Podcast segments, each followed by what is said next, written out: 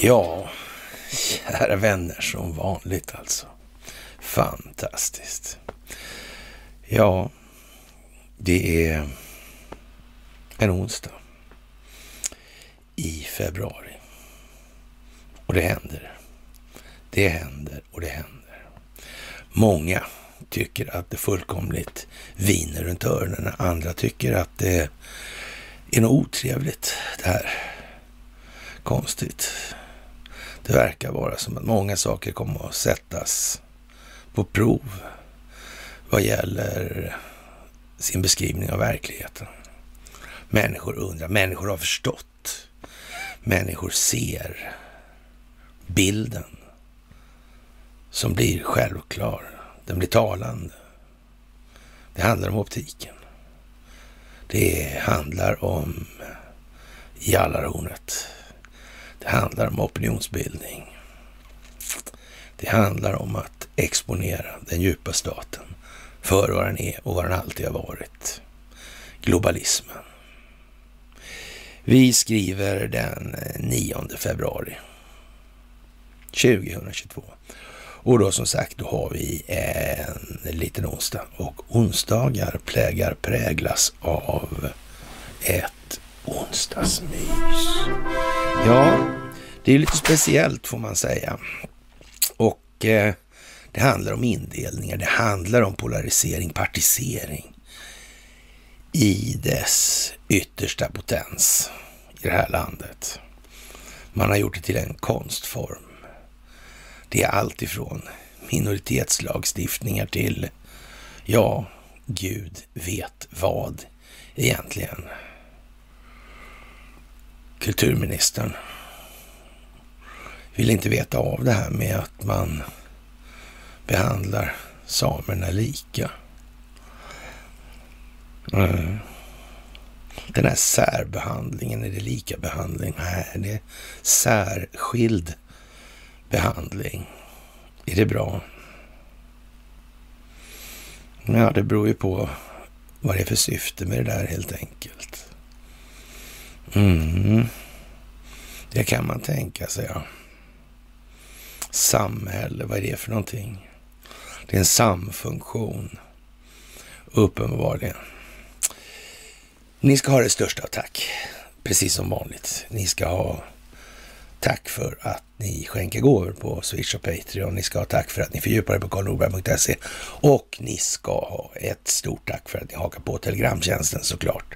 Precis som vanligt. Och eh, jag vill även rikta ett tack till de som under gårdagen arrangerade den här podcasten Drottninggatan då jag förärades att delta per telefon eller telefonled, och störa Conny i hans litanior där. Det var ju faktiskt, jag ville ju skydda grabbarna lite grann så jag var tvungen att backa upp dem lite där.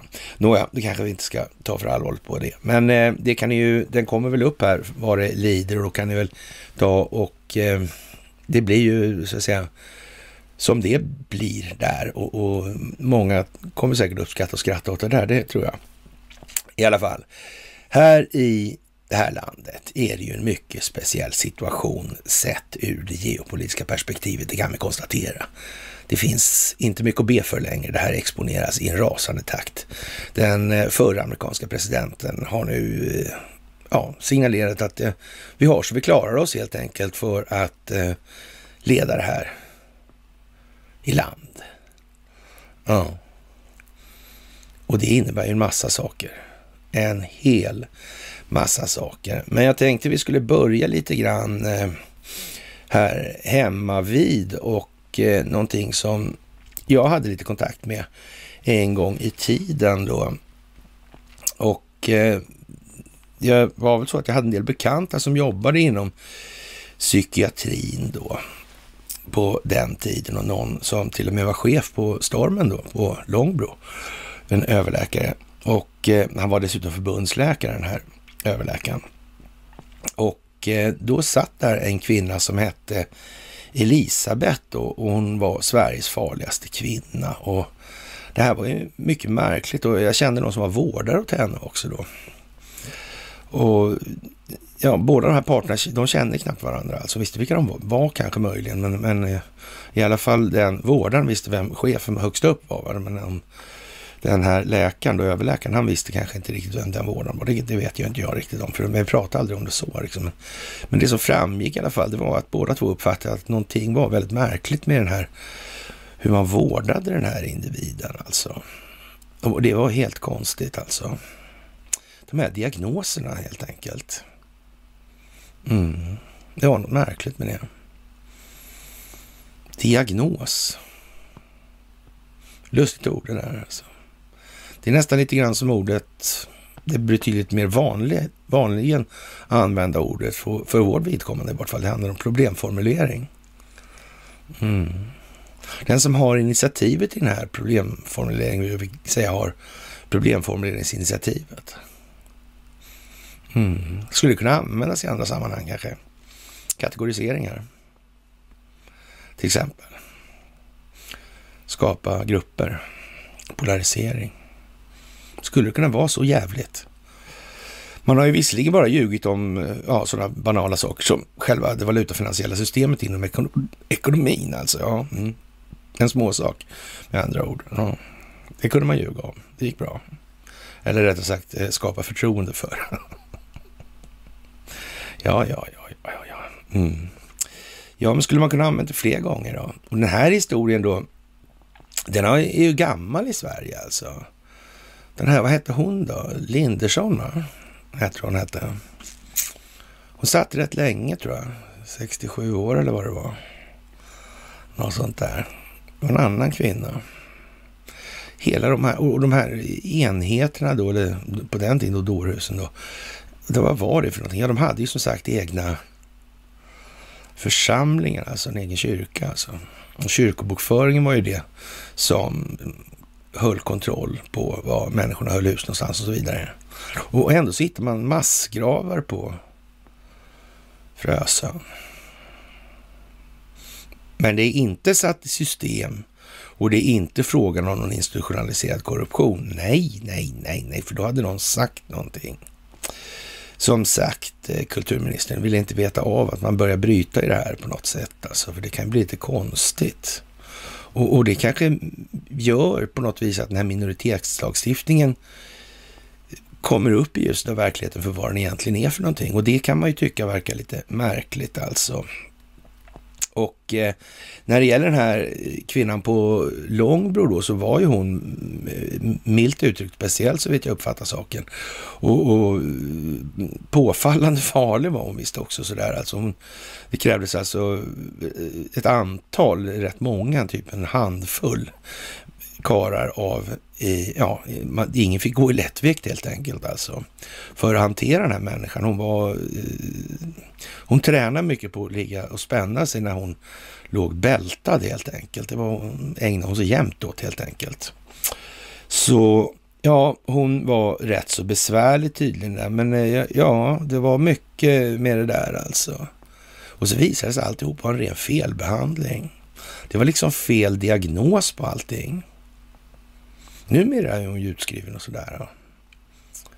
ja. Vad konstigt egentligen hur det kunde bli.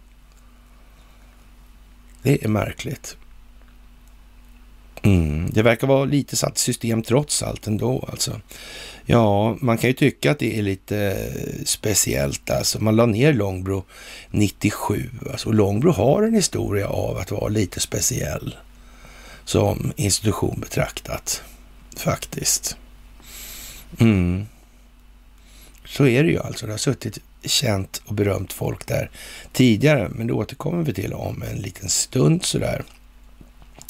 Historiens vingslag skulle man väl kunna säga, eller signifikativt för landet Sverige naturligtvis och dess verkliga roll här i världen och den geopolitiska utvecklingens situation. Alltså det kan man ju utan att överdriva det minsta påstå alltså. Ja, EU-kommissionen, de stämmer Sverige. Ja, det är ju lite sådär speciellt och eh, vapendirektivet utformades för att göra det svårare för terrorister att få tag i vapen och Den svenska regeringens försök att omvandla direktivet till svensk lag har dock misslyckats. Senast, och senast i januari 2021 stoppades förslaget i riksdagen och ändå så, ja, sedan beslut 1996 har delegerats från riksdagen till myndighetsnivå har en praxis utvecklats som innebär att undantag beviljas regelmässigt i tusentals fall de senaste åren. Ja, från förbud mot export till sådana länder då svenska vapen har använts i flera totalitära regimer och i flera krig, exempelvis eh, Burma, alltså Myanmar, Sri Lanka, Indonesien, Tunisien och på senare år Egypten, Afghanistan och Irak. Det är ju konstigt det där. Har det någonting med de här, eh, ja vad ska man säga, arabiska våren kanske, eller Isis framväxt i Syrien kanske. Om man redan vet att det ska komma så är inte det där konstigt. Skulle det kunna vara så att det är planlagt? Eller blev det bara så återkommande? Har omvärlden helt missat det här? Vad var det han sa förresten, Donald Trump? Han sa att vi har vad vi behöver. Ah, så alltså. Ja, ja, ja, ja, ja, då kanske vi förstår lite bättre. Kanske det, kanske ja. Ja, kanske det, kanske. Jaha, eh, det, är, det är lite udda faktiskt. Svenska vapen är alltså någonting som cirkulerar rätt så ordentligt på planeten skulle man kunna säga av någon anledning. Och det tycks vara satt i system då, att man har så att säga förekommit utbrotten av de här händelseförloppen. Det verkar ju märkligt. Man har känt till det här på något vis. Det verkar föreligga någon form av långsiktig planering i den meningen. Mm. För det är också en annan detalj som inte är sådär direkt obetydlig. Det är, det är inte bara de här vapnen då som är en fråga nu, utan det finns någonting ytterligare. Eller ytterligare, två saker kanske till med. Det finns telekominfrastruktur och kraftförsörjning inblandad också. Men den tycks inte påverkas i någon nämnvärd utsträckning av de här oroligheterna. Det tycks bara bli liksom någon form av regimskifte där alltså. Och, och sen tycks det vara eh, ovillkorligt att det dyker upp sådana investeringsskyddsavtal alltså på något vis. Sen då, det är ju konstigt. Mm. Och som sagt, det är inte en enda sån här totalitär regim någonstans någonsin som har insett vikten av att bibehålla kontrollen över telekominfrastrukturen och kraftförsörjningen. Är inte det lite märkligt? Inte ens i Kina alltså. Mm, absolut inte i Ryssland. Nej. Det är ju konstigt att de inte har upptäckt det här. Borde inte säkerhetstjänsterna ha? På något vis. Ja, man kan ju undra faktiskt. Det är ju lite sådär äh, Ja, Sverige kritiseras av bland annat Amnesty och Svenska FN-förbundet för att exportera ökande andel vapen till länder som begår allvarliga brott mot mänskliga rättigheter. Till båda sidor i konflikten, exempelvis till både Indien och Pakistan. Fördelen med att vara neutral. Jag vet inte exakt om det här ska behöva bli tydligare. Det vet jag inte. Men en sak är säker i alla fall. Att ni gör ett fantastiskt arbete och vi gör det här bra tillsammans. Det kan man inte på något vis kringgå, som man brukar säga om Engström. Men mer om det senare, som sagt. Ja, vad ska vi säga om det här med OS? Det finns ju massa saker att säga om OS, men det är lite udda grejer som börjar dyka upp här. Och, och ja, det här med blodpropparna är en konstig grej alltså. Mm. Det är väldigt märkligt alltså. Ja, ja, ja, ja, ja, ja. Mm. Det ryska konståkningslandslaget som vann guld i Peking står enligt uppgift i centrum för granskningen efter att medaljceremonin försenades på grund av ospecificerade juridiska frågor som uppstod med kort varsel då, inom citationstecken. Ja, den ryska olympiska kommittén, ROC, avslutade så att säga med titeln då för konståkningens lag då i, lagpoäng. Alltså tidigare i veckan där USA tog silver och Japan fick brons alltså. Jaha, och medaljceremonin har dock försenats på obestämd tid efter att ursprungligen har varit planerad att äga rum på tisdagen. Alltså. Internationella olympiska kommittén IOC då har inte lämnat specifika detaljer, men tals talesmannen Mark Adams sa vid en presskonferens på onsdagen att en situation uppstod med kort varsel som kräver juridisk konsultation. Vad kan det här vara för någonting? Det är ju konstigt alltså. Ja, det här med dopingtesterna är konstigt. Det är det.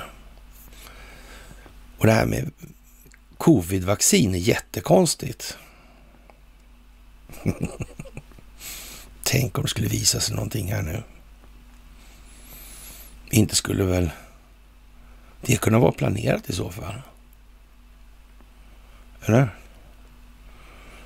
För att exponera. Inte skulle man väl ta tillfället i akt? Det skulle man väl inte? Nej.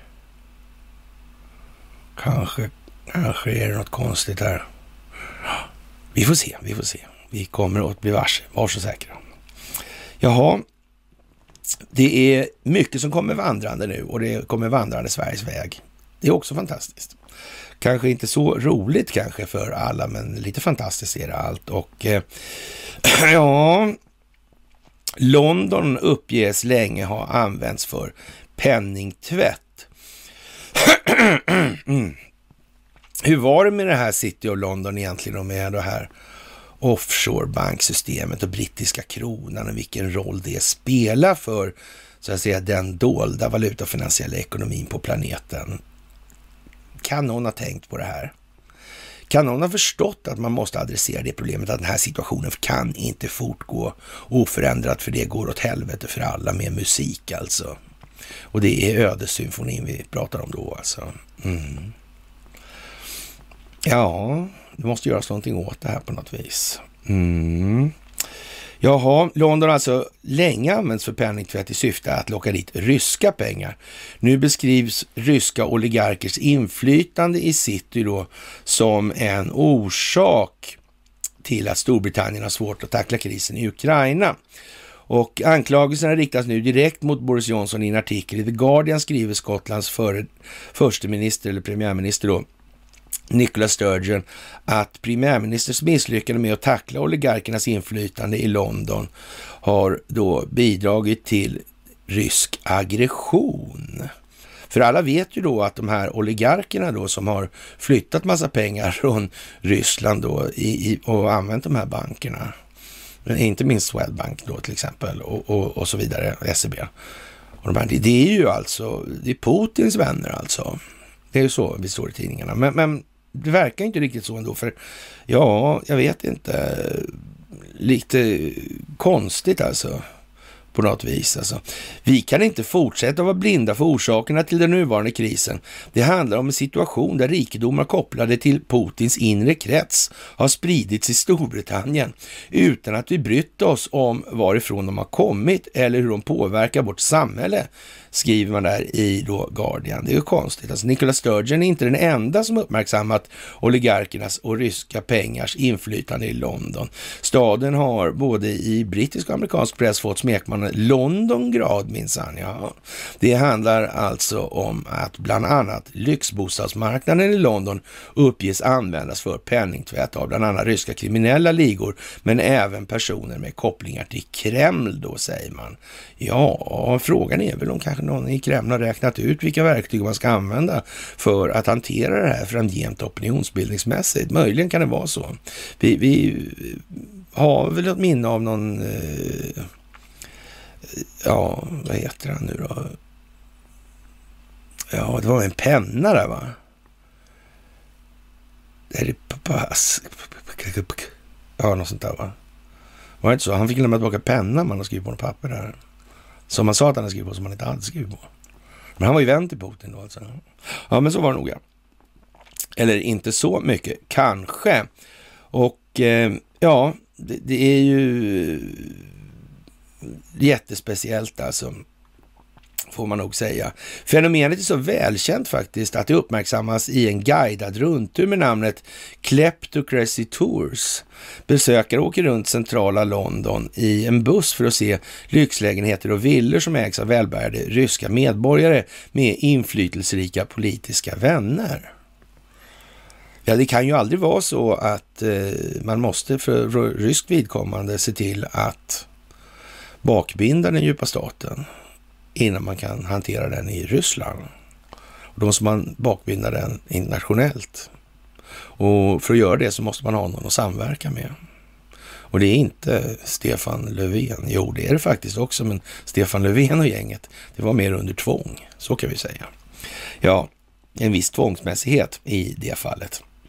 Och det finns det nog på flera håll, om vi säger som så. Alltså.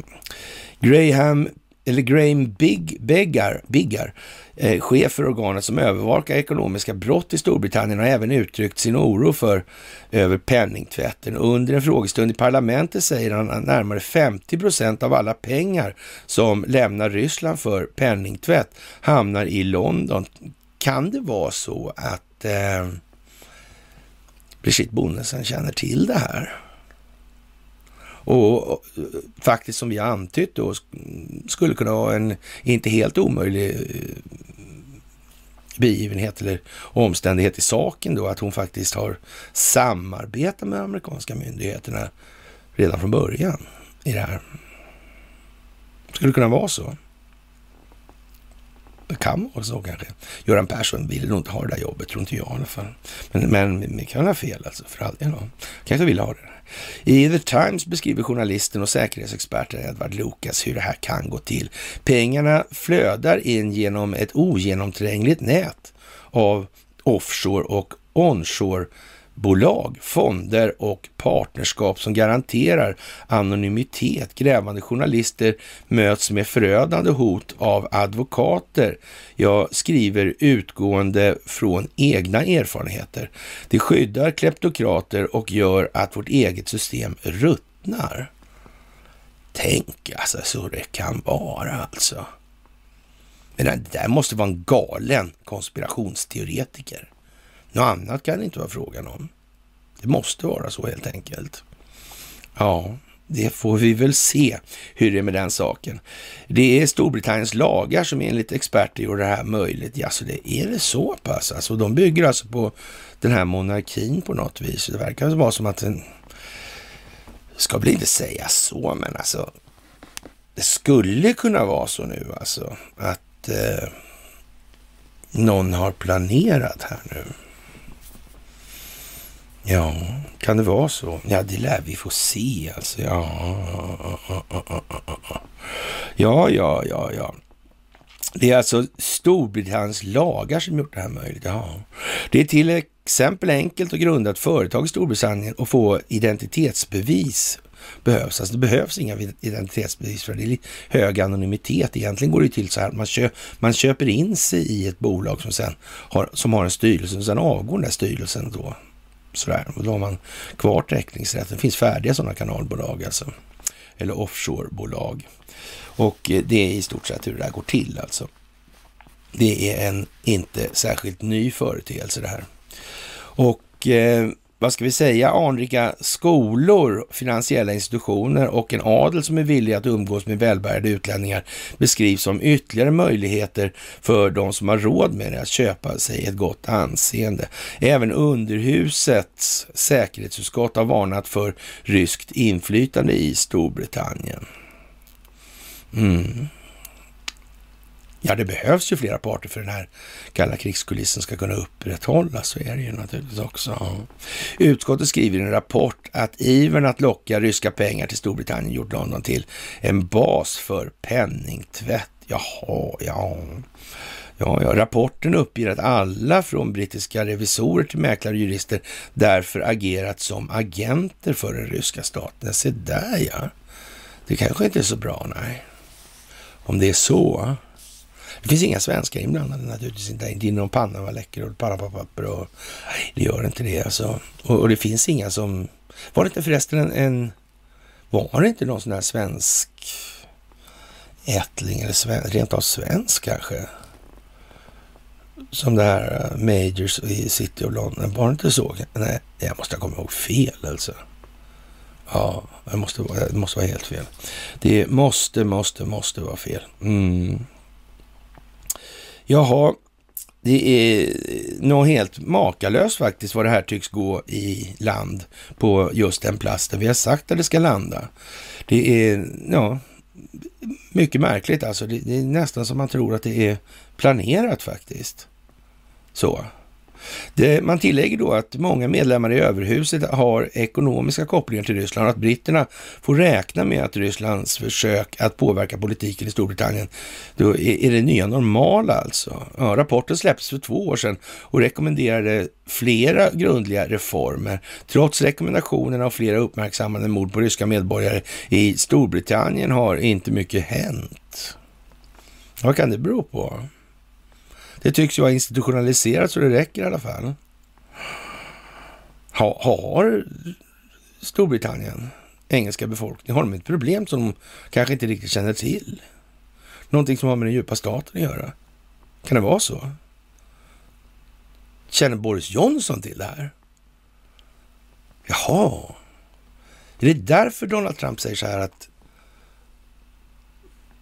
Boris vet hur man spelar för att vinna? Kan det vara därför?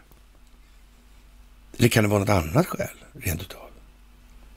Ja, vi vet ju inte så noga. Det kan ju vara lite hipp som happ så här. Man vet aldrig vad någon vet. Sådär. Jaha, och eh, ja, Landet får nu även i samband med krisen i Ukraina kritik av USA. Källor i Washington säger till The Times att den brittiska regeringens misslyckande med att tackla penningflödet från Ryssland till London kan påverka eventuella framtida sanktioner mot Ryssland. Det här verkar ju väldigt konstigt. Alltså.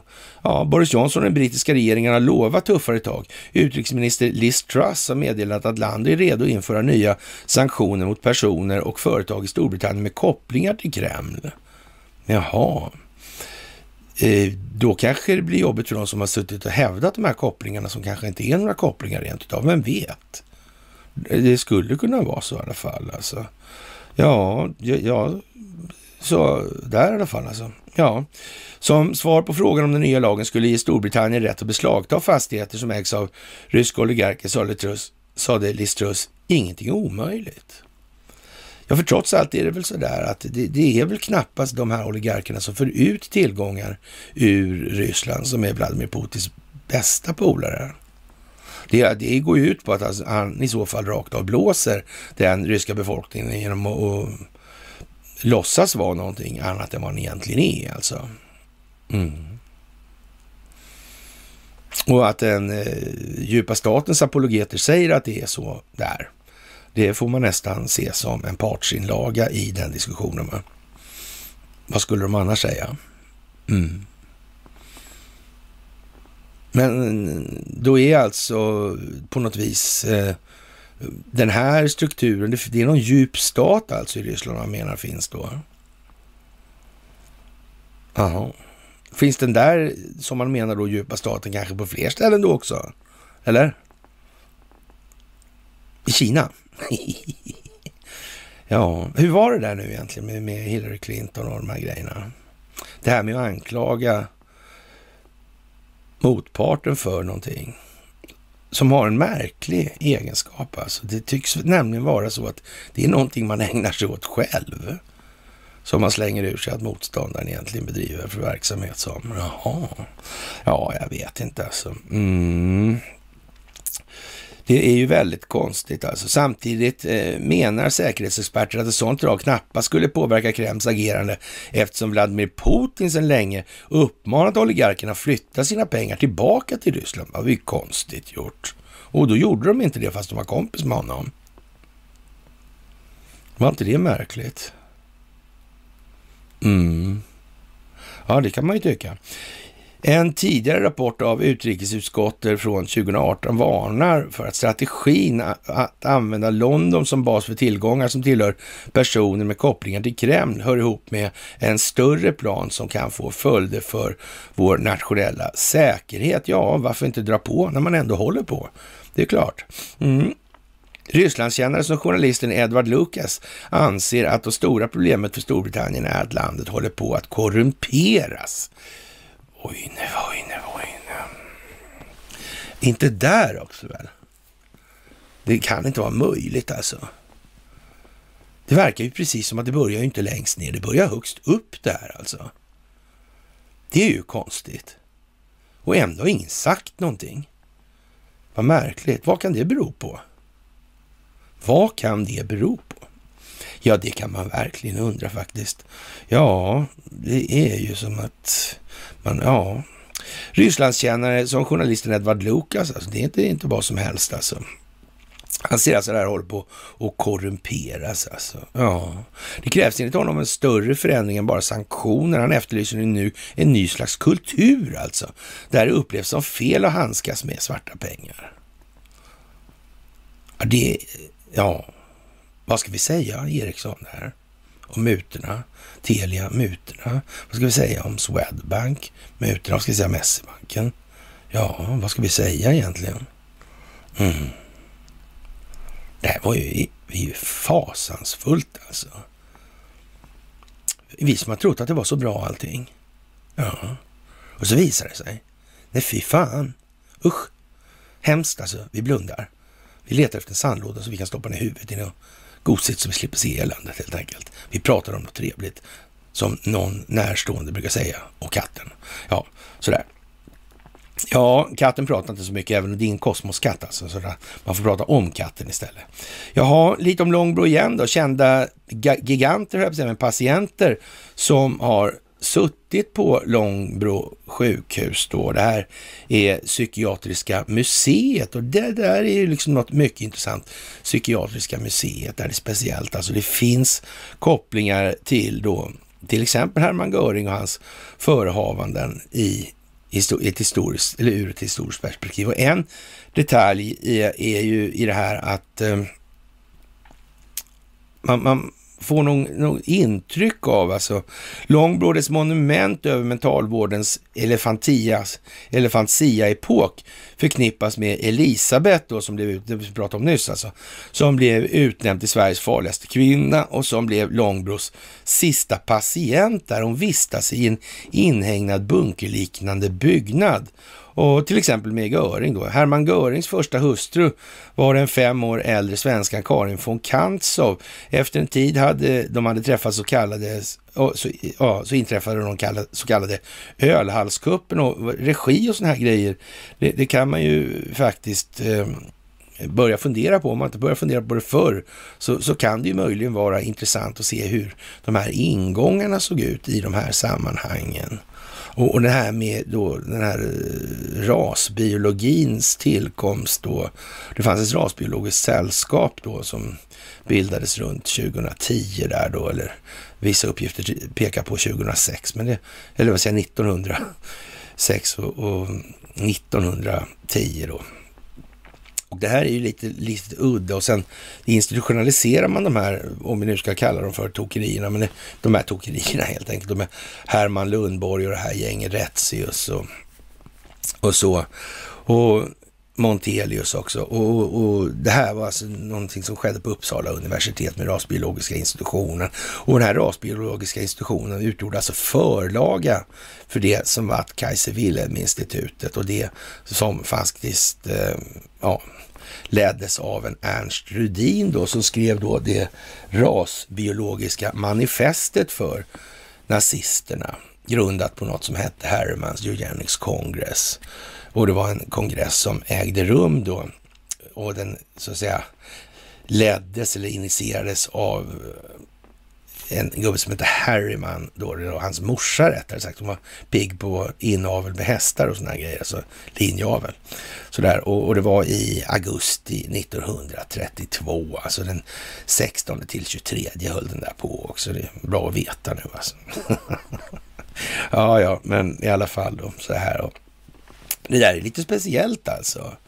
Och eh, hela den här soppan med, och nu har vi delat det här på min sida, eller de flitiga som delar saker, de har gjort det. Och det här är lite intressant alltså, att konstatera hur det här faktiskt ser ut och hur det förhåller sig. Det här är inte så svårt att lägga pussel med längre. hur var det här egentligen och varför ser det ut som det gör? Det går att ana ett mönster. Trots allt då så, då, det här var ju början på 30-talet. Det här var ju 33 alltså som det här rasbiologiska manifestet kom till på. Och då Ernst Rudins tappra insatser låg bakom det då. Och, och ja, hur var det? Vem finansierade det här Kaiser Wilhelm-institutet? Det var, det var Rockefeller, ja precis. Han fick klä skott för det och stå där och skylta med det. Ja, ja det är väldigt dolt det där. Men några aktier i IG Farben, det ägde han ta med fan inte i moderbolaget. Nej, nej. Ja, vi minns ju den här killen där. Vi var någon sån här löpa, löpande bandsnubbe vi hade uppe förleden, var det inte det? Var det svenskjävel nu igen då? Ja, den med Ford va? Var det inte så? Han hette Johansson och sånt där. Ja, ja, mm, men det kan man ju tänka på liksom. Det, det är nog den Ford som ordnade industrialiseringen i det nyvordna bolsjevikrevolutionära kommunistiska diktatoriska paradiset eh, Sovjetunionen. Mm. Men det var inga fingrar i, inga fingrar i. Nej, nej, nej, för fan. För fan alltså. Och eh, ja, det här är, finns en del historier där och, och, en del är ju lite udda måste man säga. När, här, när Göring försöker ta självmord där på Riddarfjärden. Var inte det märkligt alltså? Och det var man brukar säga, när, för de som är insatta i den där historien då, läst lite om eller hört den på de som har haft släktingar som är inblandade i det här då. Det var en judisk läkare alltså som räddade honom. Ja. Jävla märkligt det där alltså. Jävla märkligt. Men som sagt, sen piggade han ju på sig efterhand som det här med övningarna där 33 gick lite bättre. Eller ska vi säga övningarna 32 kanske. Och till och med 31 då. Ja, tre märkliga år det där. Ja. Tänk så det gick ändå. Det var ingen som helst planering ändå. Det var bara tur. Fast då den här uh, figuren där med Sommar eh, Felix som är där. Mm. kunde liksom prognostisera vad, vad som måste ske i det här. Ja, och vem fan var det som var då mentor eller så att säga styrde reformationen av det tyska banksystemet som var en av de tre grundpelarna som krävdes. Mm. Ja, och lossa pundet från guldet, det kan ju inte ha varit så svårt med avseende på att Montague Norman ändå finansierade Hitler mer eller mindre öppet. Tillsammans med Hjalmar Schacht då. Mm. Det var ju konstigt det där alltså. Det var ju konstigt. Mm. Och så var det ju det där med Kryger också. Man kan ju säga i alla fall det här med reformationen av det tyska banksystemet och också säga eftermälet, det liksom ekonomiska eftermälet efter kriget. Det dominerades stort av en särskild finansfamilj på den här planeten som inte hette Rockefeller. Så kan vi säga. Ja, ja, men det är ju sånt som, det händer så ibland helt enkelt, bara sådär, apropå ingenting. Det är ju lite udda. Jaha, och eh, när vi ändå är nere i historiens djupa, mörka gångar så tar vi någonting från Aftonbladet så här lite klämmigt och eh, där står det så här, kärnkraften är alltid atombombens eh, tvilling, ja det kan man ju säga sådär, men man kan också säga så här att kärnkraften är ju en sak alltså och atombomben är någonting annat. Och vad är egentligen det där? Vad sa Donald Trump om det där för någonting egentligen? Sa han så här att, eller sa han inte så här förresten, att vi måste rusta upp vår kärnvapenarsenal tills dess att jordens befolkningar eller jordens befolkning förstår den verkliga innebörden av atomvapnet. Hur var det med skapandet av det jävla atomvapnet egentligen? Vem var det egentligen?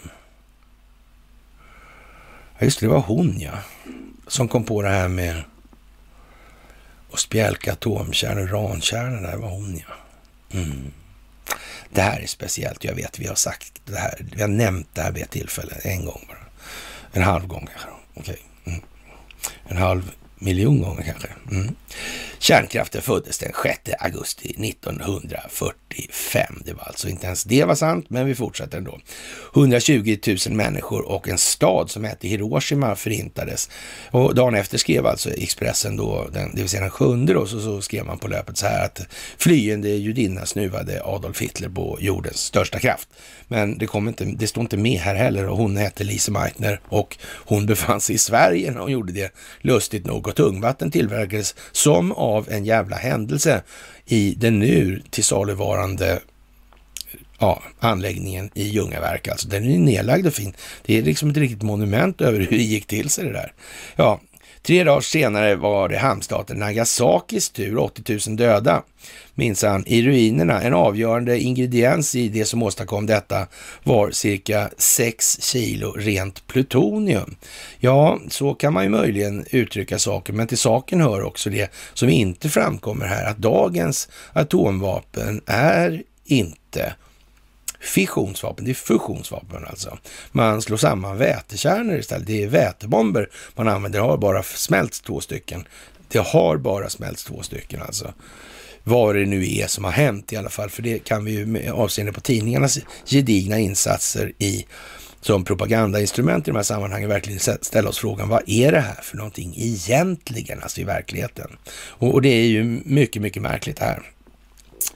Och ja, plutonium är en mycket sällsynt mineral och när USA sedermera Sovjetunionen, England, Frankrike, Kina, Indien, Pakistan, Israel och Nordkorea. Ja, mm, ja, vad ska vi säga, skapa sina atombomber insåg man att det säkraste och enklaste sättet att säkerställa tillgång på plutonium var att starta kärnreaktioner i kontrollerade former och bearbeta avfall från långsam kärnklyvning. Enkelt uttryckt, ett kärnkraftverk är en utdragen och i bästa fall kontrollerad atombomb.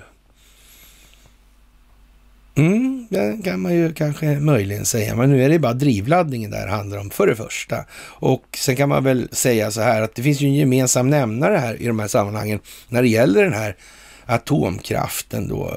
Någonstans har det här haft sitt ursprung, undrar vilka det kan vara egentligen som sitter på de här olika grejerna för patenten, eller satt på patenten då, hur, hur det egentligen blev som det blev med det här kalla kriget. Vilka var det som tjänade mest på det, som vann mera på det kalla krigets uppkomst än sin egen förbättrade affärsmoral enligt amerikanska utrikesdepartementet i Washington, förhandlingarna om Boschaffären. Vilka kan det vara alltså? Jag, jag är lite osäker där, men någon, någon av tittarna kanske kan, kan hjälpa oss på traven här alltså. Och, och, ja, dela om det kanske. Jag vet inte hur vi ska komma till rätta med det där alltså. Mm. För att kamouflera denna militärstrategiska verksamhet kallade man dessa anläggningar för kärnkraftverk och pekade på att elproduktion kan ske. Så invigdes till exempel den brittiska drottningen 1955 vad som kallades världens första kärnkraftverk vid den hemliga anläggningen Sellafield. Jaha, det var ju lite konstigt. Att Manhattan-projekt som skapar nya bomber mitt under brinnande krig inte ens var känt för den amerikanska kongressen är en sak. Men den svenska kärnkraften föddes i samma totala avsaknad av demokratisk insyn. Den hemliga lilla reaktorn i Ågesta skulle vara första steget mot en svensk atombomb. Nu är inte vi säkra på om det var, inte står så här, till och med på Wikipedia, att det var den första kommersiella. Vi är nog lite förvissade om att det fanns anläggningar tidigare än så. Vi tror till exempel, vi misstänker i alla fall starkt att Grindsjön hade en anläggning redan lite tidigare faktiskt. Faktiskt tror vi det. Men, men vi är inne på den så att säga, banan nu att när man är tvungen att skriva som man gör nu, då är stacklet dragret jävlar i mig ordentligt alltså. Det är det. Det är uppenbart riktigt jävla dumt och vi ska få se ett par praktexempel till på det vidare i det här myset. Ja, som sagt, och Manhattan-projektet, ja hur var det där egentligen? Möten i Kungälv och hej kom och hjälp med. Det var ju väldigt märkligt. Lise Meitner skickade anteckningarna här från Sverige. De satt i Ljusdal, fast det var ju ju, ju i alla fall i början. Det var väl åtminstone rätt sådär. Och, och vi vågar nog lite grann på också att de satt i den här gummifabriken som blev sprängd genom ett attentat och oturligt nog inte hade fört några anteckningar över vad man egentligen höll på med eftersom de var så angelägna att komma framåt i produktionen av de här förgasarmembranen till flygplansmotorer. Fantastiskt. Vad kan möjligen dölja sig här egentligen? Man får nästan vara eh, lite, ja, vad ska man säga, Kalle Blomqvist-resistent för att inte se igenom de här jävla sagorna. Det är billigt. Det är billigt något så in i helvete. Ja, ja, ja, ja, ja, ja. Det är ju liksom, eh, ja, själva, ja, vad ska man säga, det är ju lite sådär eljest helt enkelt. Och ja, eh, själva bombprojektet avbröts alltså, men den svenska kärnkraften har istället bidragit till Eh, såväl brittiska som ryska atombomber genom att först exportera avfall till Sellafield för att under 1990-talet skicka det till Ryssland. Jaha. Mm. Och det går inte att använda det avfallet. Det går till exempel inte att använda i reaktorerna på fartyg. Det går inte. Det är helt omöjligt. Ja, ja, ja, ja, ja. Det är alltså sådana här artiklar nu i det här läget. Det måste man kunna läsa igenom, man måste förstå. Man måste kunna den här historien för att se de här artiklarna för vad de är, med vilket syfte de är skapade och vilken opinion de är ägnade att bilda. Kom igen nu för fan. Det är bara att stå på.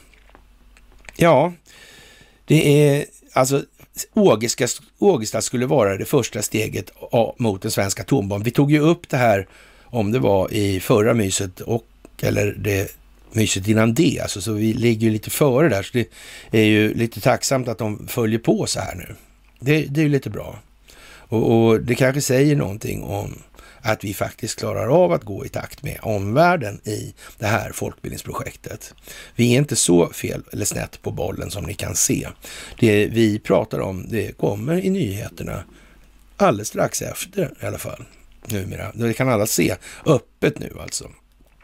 Jaha, och jag vet inte någonstans.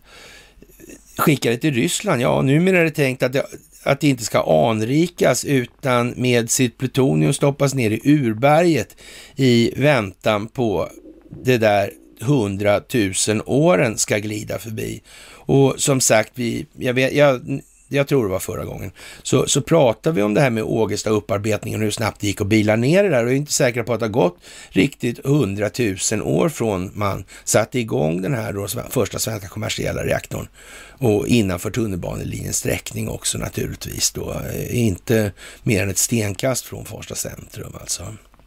Eh, vi talar om något hundratal metrar där. Mm. Och det var 1964 alltså. Det har inte gått riktigt 100 000 år sedan dess. Ja.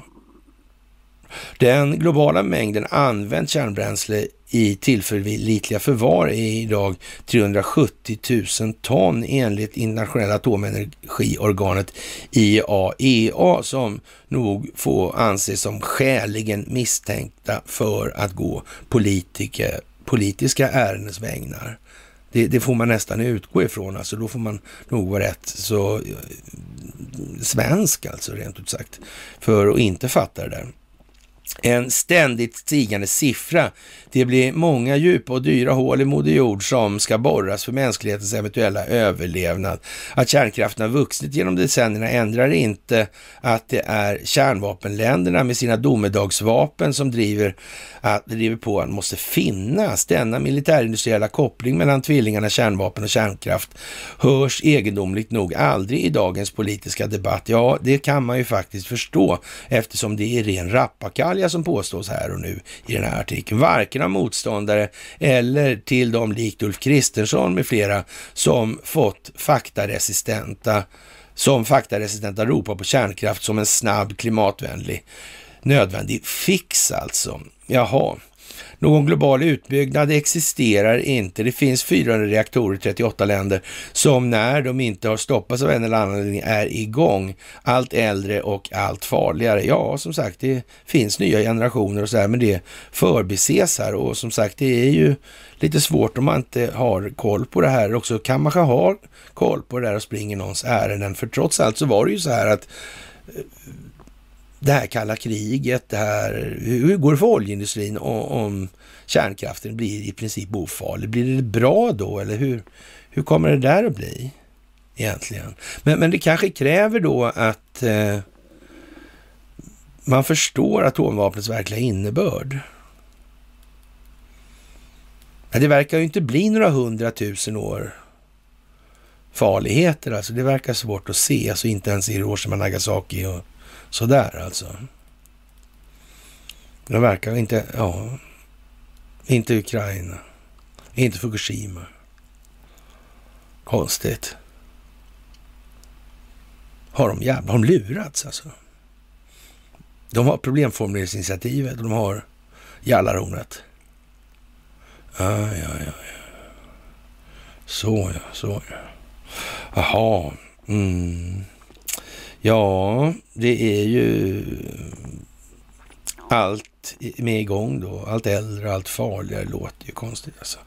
De nyprojekt som finns idag har eviga förseningar och galopperande kostnader gemensamt. Ta bara det närliggande finska exemplet, framtidens reaktor. Oikiluoto 3, en Google-sökning bort. Bygget startade 2004 så skulle stå klart 9 alltså. I dagarna 13 år senare kopplas reaktorn upp mot det finska elnätet.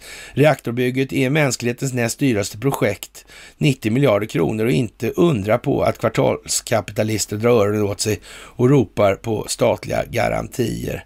Men det är i grunden viktigaste skälet till att kärnkraften ska bort och världen avrustas från kärnvapen, formulerade redan Albert Einstein och eh, Bertrand Russell i det manifest 1955 som startade Pugwash-rörelsen.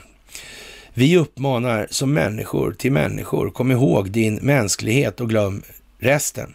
Om du inte kan det får du räkna med risken att hela världen dör Eh, ja, risken att hela världen dör, den tog ju vara eh, ett alltså. Det är väl ganska vanligt att man dör som människa och vad som händer sen känner inte vi människor till när människorna är borta. Så det är väl inte mer än så egentligen, men det kanske inte han fattar den här heller. Mm.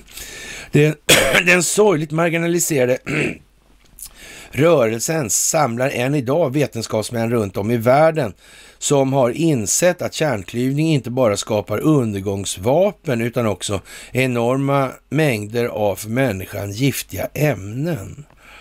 Anden som rymde i flaskan den 6 augusti 45 måste fångas och flaskan måste förseglas, inte bara i hundratusen år utan för evigt.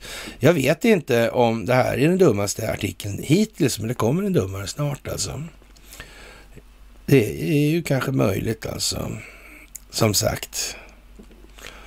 Sett till hur historien verkligen såg ut så är det här någonting som man tror inte är möjligt att det skulle kunna komma i Aftonbladet. Därför kommer det nu, helt enkelt. Mm. Det är mycket speciellt alltså. ABB Westinghouse. Ukraina, Tjernobyl. Ja, det är speciellt det här alltså. Nordkorea. Iran de här kärnkraftverken. Någon har ju sålt kärnteknologin. Kärnkraftteknologin alltså. Mm. Jaha, det är konstigt, det är konstigt. Mm. Jaha, Scholz, no Merkel, Macron, no de Gaulle, säger Joe Biden alltså. Och eh, han är inte så nöjd med de här människorna, Joe Biden. Mm. Det är konstigt, det verkar bli en spricka här alltså. Är det så att underlivsporslinet egentligen gör någonting som de som har valt honom inte riktigt förstår att han gör? Kan det vara så? Oj, alltså det ser nästan ut på så vis alltså. Det får man nästan säga. Lite åt det hållet i alla fall. Ja. Och det var väl trots allt så att Donald Trump, han var ju faktiskt tvungen att låta Joe Biden bli resident underlivsporslin för att kunna exponera den djupa staten och dess förehavanden. Inte minst genom den utredning som Durham startade i princip direkt efter att Trump svors in som president. Vad har han gjort hela tiden ens? Har han varit på jobbet? Så ligger han bara och vilar sig, karln? Det här är ju konstiga grejer. Vi kommer tillbaka till det alldeles, alldeles strax helt enkelt. Jaha, och då kommer vi då till det som kanske är tiderna genom, eller genom tiderna dummaste artikeln i svensk press, Aftonbladet här. Och det här är fan med går inte av för hacker alltså. Och, och, och, vi har ju varit inne på det, eh, berört det här flera, flera gånger nu. Så så. Men nu kommer det i alla fall då. Och det är ju den här, uh, ja, herr Pettersson, eller vad fan han heter, som eh, uttrycker sig då. Eller Persson kanske han heter. Skitsamma. Egentligen är det bara så här att ja, militärens vindkraftsfobi hotar Sveriges säkerhet. Industrin är, ett viktig, det är en del av vårt sätt att leva. I, vi försvarar vårt sätt att leva, brukar amerikanerna säga när de ska förklara krigsinsatser runt om på jorden. Vad man än tycker om USAs utrikespolitik så är det faktiskt en bra beskrivning av militärens uppgift. Eh, och där, redan där springer han ju på patrull då, liksom att vi, vi, vårt sätt att leva, ja, det är ju att kriga i andra länder, andras länder. Det är ett bra sätt att leva då. Ja, ja det kan man kanske tycka, men det borde inte vara så faktiskt, kan vi säga. Mm. Vilket motiv kan vara större eller viktigare än att försvara livet och sättet att leva? Eh, ja, investeringar på 30 miljarder. I slutet av förra veckan meddelade Volvo Cars och Northvolt att man tänker bygga sin nya batterifabrik på Hisingen i Göteborg. En jätteinvestering på 30 miljarder kronor som kommer att ge sysselsättning åt 3000 personer ungefär. Och den kommer också att generera stora exportinkomster till Sverige. Ja, ja, det är inte bolaget som får de här pengarna och de betalar ju inga jätteskatter. Det, det, är alldeles säkert alltså. Det är helt säkert. nu investerar Volvo Cars Ytterligare 10 miljarder i fabriken i Torslanda. Det blir inte fler jobb, men en tydlig signal om vad Sverige och Göteborg betyder för företaget och eh, om vad Volvo betyder för Sverige. Vi lever i en industrination. Vårt sätt att leva förutsätter industrier som skapar jobb och exportinkomster. Industrier som precis som Volvo vill vara en liten del av lösningen på mänsklighetens stora frågor. Klimatet är den stora utmaningen. Mm. Eh, ja, klimatet mellan öronen på befolkningen är den absolut stora utmaningen. Så, så är det absolut. Det, det är inget snack om alltså. Nu handlar det om klimatkrisen och satsningen i Göteborg. En del av fordonsindustrin omställning till ett fossilfritt samhälle. För att det ska fungera måste naturligtvis energin som förbrukas vara fossilfri. Idag betyder jag vet inte exakt hur det går till när man förbrukar eller förstör energi, men det kanske han vet då. I alla fall. Idag betyder det vindkraft, framförallt havsbaserad vindkraft. Och det är den Volvo och Northvolt räknar med när de planerar en industriell framtid på västkusten. Byggs inte vindkraften ut hotas hela den nya hela den nyindustrialisering som vi nu ser och då hotas vårt sätt att leva. Och eh, säger nej av gammal vana kommer då en mellanrubrik. Alltså just därför är det svenska försvarets nästan slentrianmässiga veto så snart det talas om havsbaserad vindkraft så svår att förstå. Och, och där får man väl säga att han är klar med att beskriva sig själv alltså. Men vi kan läsa resten också då innan vi tar och talar om varför det är så. Vad är det man inte vill förstå? Elförsörjningen är ju en nödvändig del av det land som ska försvaras. Ja, och hur har amiraler tänkt att Sverige ska betala för de nya stridsfordon och efter luftvärnspjäser om vi inte kan exportera bitar, papper och stål? Jaha, papper, bilar och stål. Ja. Mm. Lika svårt är det att begripa moderatledaren Kristersson sedan, ja, när blev det modern, eller blev det Moderaternas uppgift att sätta stopp för kraftföretagens investeringsplaner och industrins nysatsningar? Ja, det är ju konstigt alltså. Ja, det är precis det som blir effekten av, av Moderaternas partipolitik i energifrågan. Det kommer inte att leda till några kärnkraftverk, i alla fall inte under överskådlig tid, men det skapar en osäkerhet och det blir den perfekta ursäkten för kommunalpolitiker som inte bryr sig mer om sin egen utsikt än om landets framtid, eller som bryr sig mer om om sin egen utsikt än om landets framtid. Det byggs vindkraft i Sverige. De tre sista månaderna förra året kopplades mer, eh, mer ny vindkraft än någonsin tidigare in och i våra grannländer växer de havsbaserade vindkraftsparkerna fram. Ja, idag meddelade Vattenfall att man siktar på att investera i Norge. Det måste fungera utanför den svenska kusten, vad moderater och generaler än säger. Ja, ja vad ska man säga? Det är ju mm, rätt så fantastiskt, måste man tillstå. Ja, jag är säker på att både generaler och amiraler förstår, inser svårigheten med att försvara den här energiproduktionen rent militärt. Om vi säger som så. Att ställa ut kraftförsörjningen i havet. Det, det kan man säga är, är lite dumt alltså. Det kan man nog faktiskt påstå. De, de är inte särskilt starka de där grejerna, de här konstruktionerna. Och, och, och ställa stora vindkraftparker på det viset och tro att det är något bra. Rent strategiskt operativt militärt, alltså, eller militärt operativt. Jag, jag, är inte säker på att det är så många amiraler och generaler som uppfattar det på så vis. Och det borde de inte heller göra. Det, det, är ju liksom, det är ju, ja. Det är snudd på att man kan ta en fylltratt och ta eh, ett rejält fartyg, en isbrytare eller sådär. Och köra runt och puffa omkull de där hur som helst alltså. Ja. Det där är ju liksom, hur tänker han egentligen? Men som sagt, det är alldeles uppenbart vad det här är för någonting alltså. Så dum i huvudet är han inte alltså. Och, och jag menar, hur, hur, hur är den här kopplad? Det sitter inga ledningar då? Nej. Och, och eh, minsvepare är inte uppfunna. Och jag menar, det, det, är väl bara att ta eh, ja, så motsvarande bottentrålar helt enkelt och tråla bort kablarna. Hur svårt ska det vara liksom? Jag menar, man får ju vara... Ja, man får vara svensk.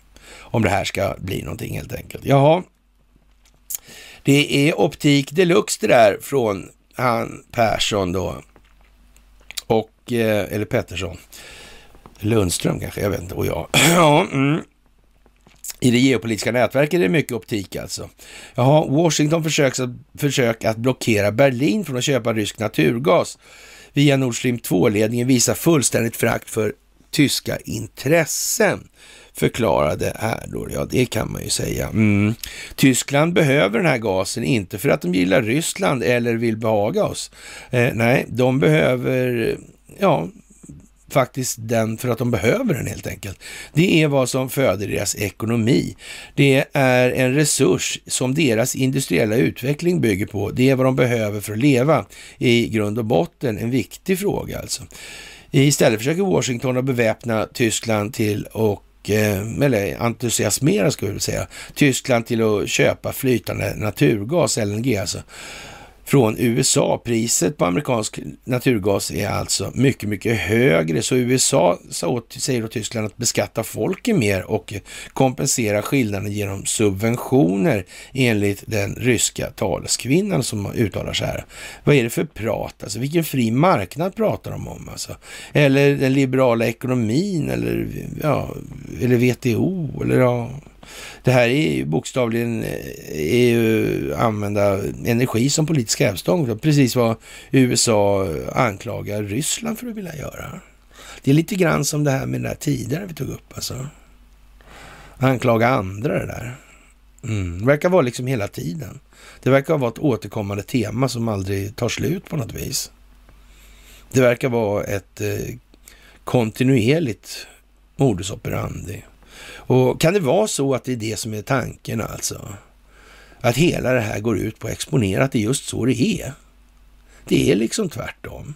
Sverige är ingen humanitär stormakt. Vi säljer vapen till varenda krigshärd. Och ett av sätten vi har begagnat oss av det är att sälja vapnen innan krigen bryter ut där av någon jävla konstig anledning. Som inte alls är planerad heller.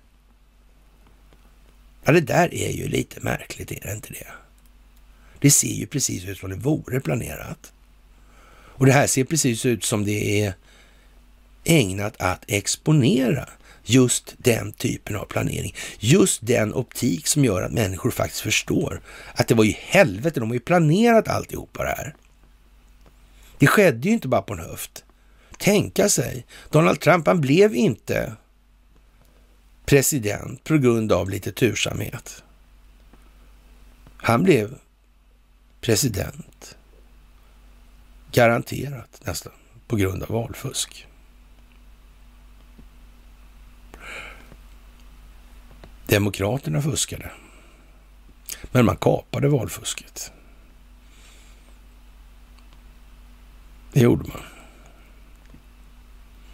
Mm. Kan Demokraterna klaga? Nej. Då måste de säga att de själva valfuskade. Så det går inte.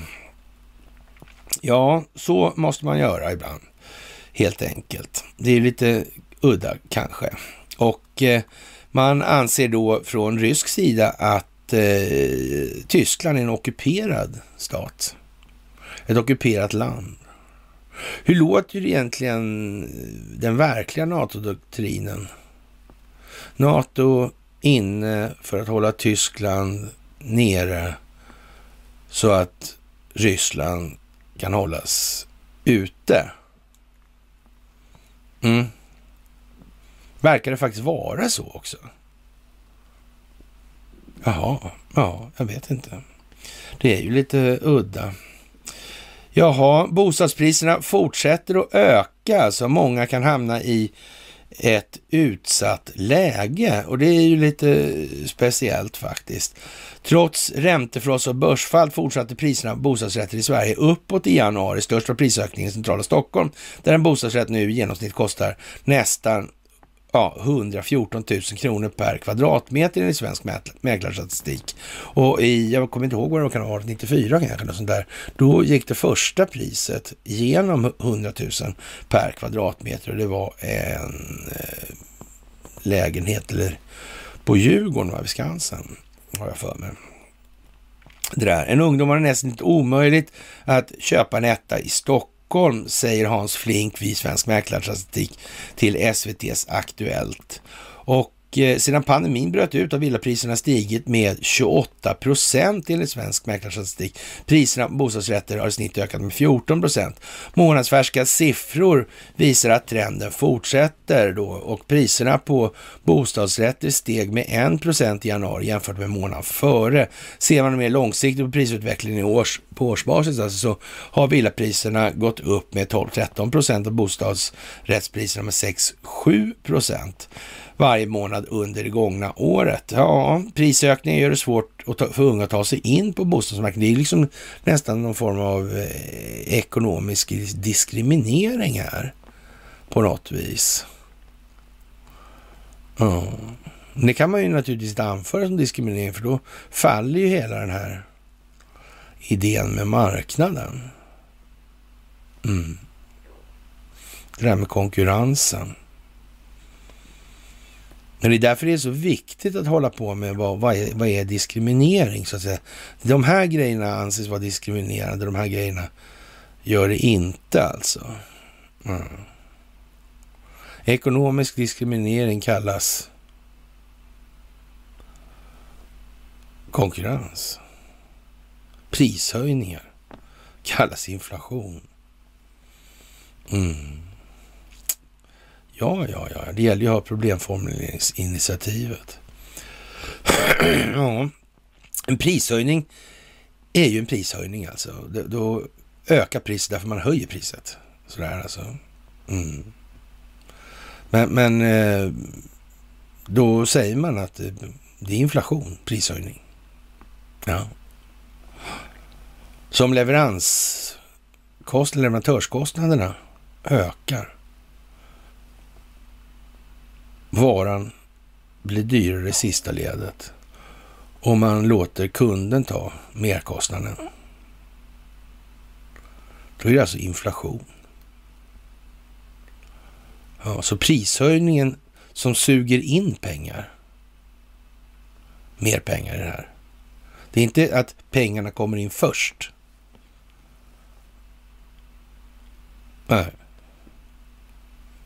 Pengarna kommer in först hos konsumenten som konkurrerar om varan. Det är ju den vägen som inflation. Men nu är det tvärtom. Man gör begreppet baklänges alltså. Är det konstigt att folk... Varför säger man inte bara prishöjning?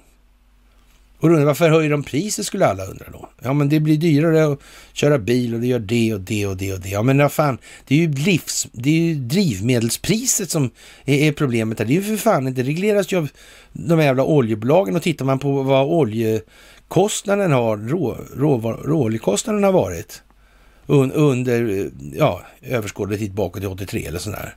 Ja, men när det kostade 150 dollar fatet, då var inte priset ja, bensinmackarna, det var ju inte i närheten av det här. Det var ju en tredjedel då av det här. Hur fan kommer det sig? Vad har resten av kostnaden vid pumpen, vad har den uppstått någonstans och varför? Vad är det här för något? Det är ju liksom det här. De här be begreppsförvridningarna, de gör att eh, folk bryr sig inte om det här överhuvudtaget. Nej, en prishöjning är inflation. Liksom. Och inflation är prishöjning. Nej, det är det inte alls det. Det är två olika saker. Den ena är en möjlig konsekvens av den andra.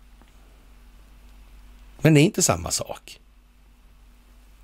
Det här är bankprosa. Och det här är menat att begränsa förståelsen hos människor för vad det här är för någonting i verkligheten. Det här är inte jättesvårt alltså. Det är nästan lite sorgligt att behöva sitta och förklara det här fortfarande. Men det är som sagt, ni vet det redan, ni som tittar på det här. Problemet är att vi måste föra det vidare. Vi måste få det ut i det här. Det måste bli lite mera folkligt, lite mer nedbrutet, lite mindre bitar, mindre tuggor av elefanten helt enkelt. Ja, och eh, vad ska man säga? Det känns trist att det bara är massa gamlingar som bor i innerstan. Ja, säger en ungdom då. Och, och, det är så fantastiskt tråkigt så det är inte klokt alltså. Ja. Finansinspektionen måste gå till roten med det här. Alltså förra året återinförde Finansinspektionen amorteringskrav som innebar att man är tvungen att betala av på sina lån. Kritiken menar att det stänger ute de yngre personerna från bostadsmarknaden då de inte har råd med både kontantinsats och amorteringar. Men det här med Erik Thudén och Finansinspektionen, det är ju en lekstuga som fan inte liknar någonting alltså. Och det vore väl lite klädsamt om han, han liksom sa det. Nej, men vi ber om ursäkt för det här och vi ställer liksom vi ställer in den här verksamheten helt enkelt nu och eh, ja, i, i avvaktan på vad vi ska få, vad som oss, vad som oss rättmätigen tillkommer, eller rättmätigt tillkommer, så ja, det blir vad det blir helt enkelt. Men ja, man behöver inte hålla på och spela. Men nu är det väl så antagligen då, eller med all säkerhet, att man har väl en eh, rätt så försvarlig eh, bristande moralisk insats i botten på det här. Så då kanske man får finna sig i att spela med det här, antingen man vill eller inte. Och här, Thedéen lär inte gå till, till historien som de mer ly, någon av de mer lysande stjärnorna på den moraliska himlen. Om vi säger som så alltså. Det är han som inte känner till vilka befogenheter han har när han ska göra gryningsräd hos Swedbank till exempel och inte får komma in i kassaskåpen och såna här grejer. En riktig jävla lirare med andra ord.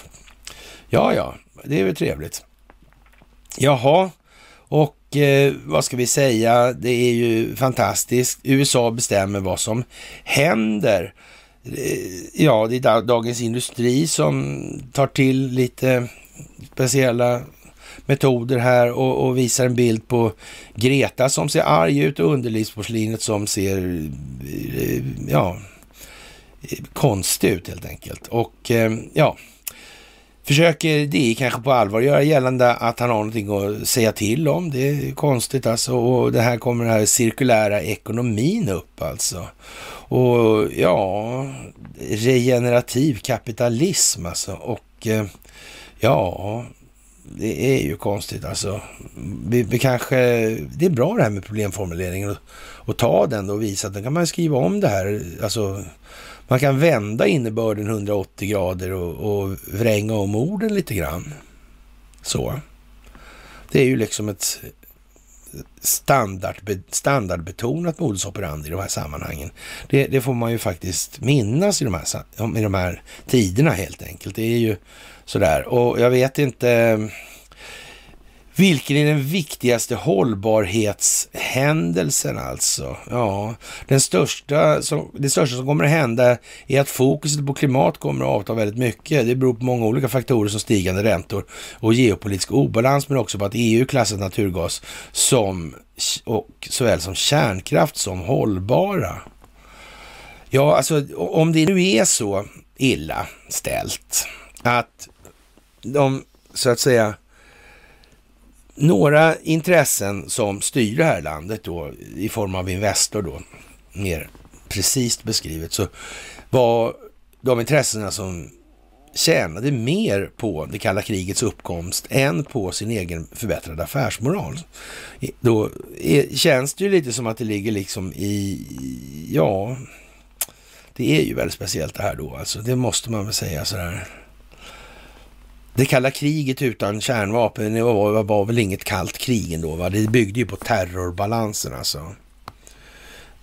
MAD-doktrinen alltså.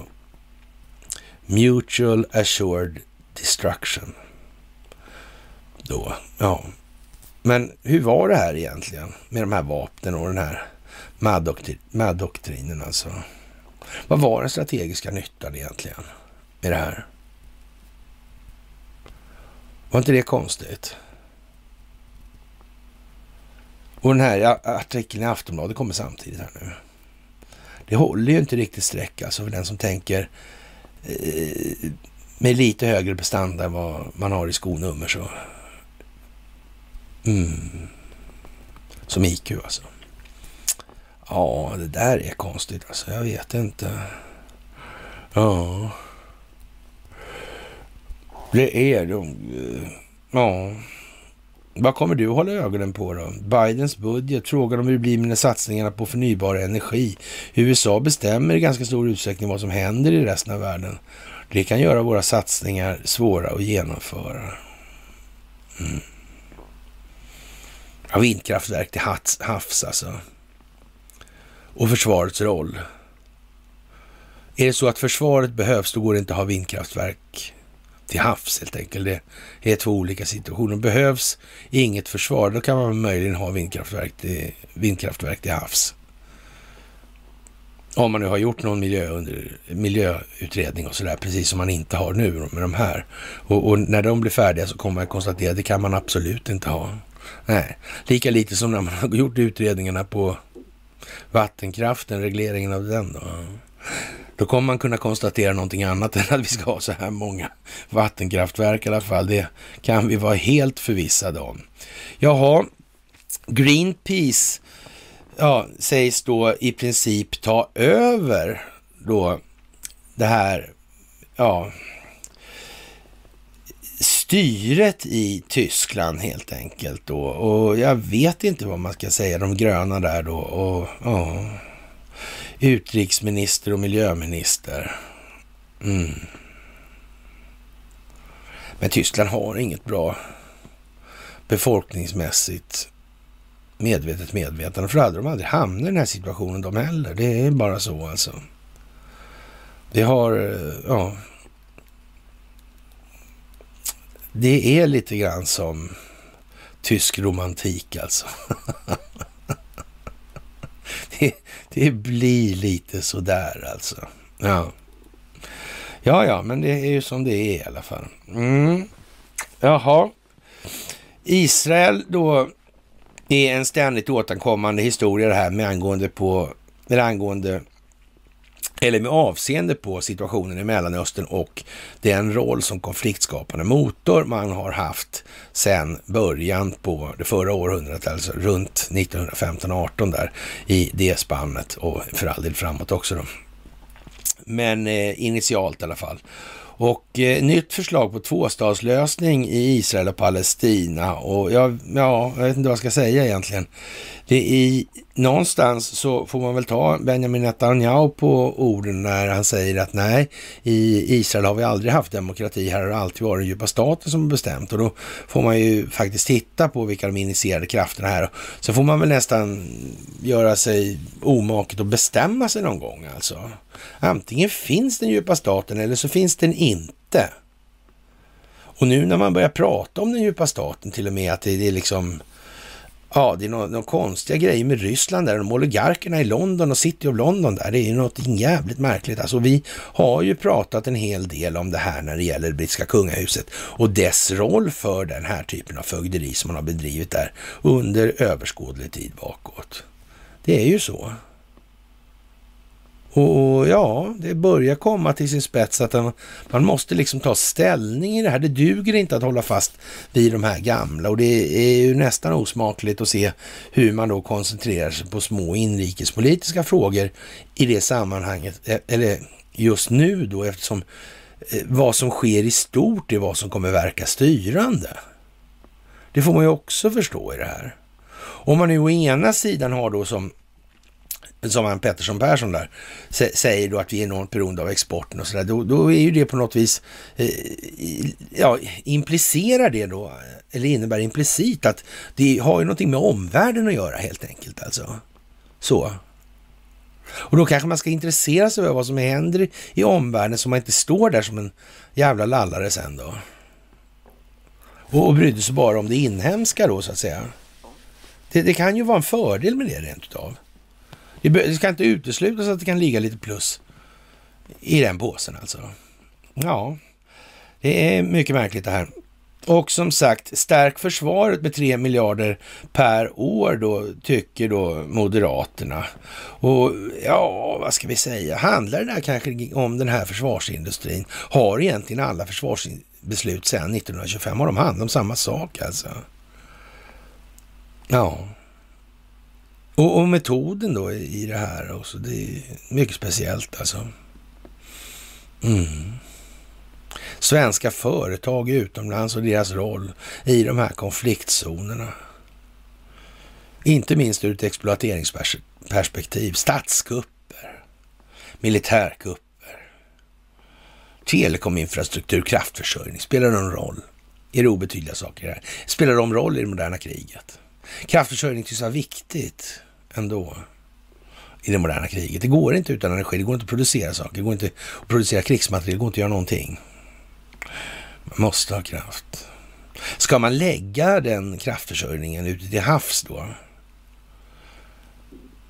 Mm, när den presumtiva motståndaren har torpeder som vi inte ens kan bekämpa. Med avseende på deras prestanda. Deras redovisade prestanda, ska vi säga. Och de har nog inte tagit till i överkant. Dumt vore väl det. Ja, de kanske kör en bluff. Eller så kanske inte de gör det.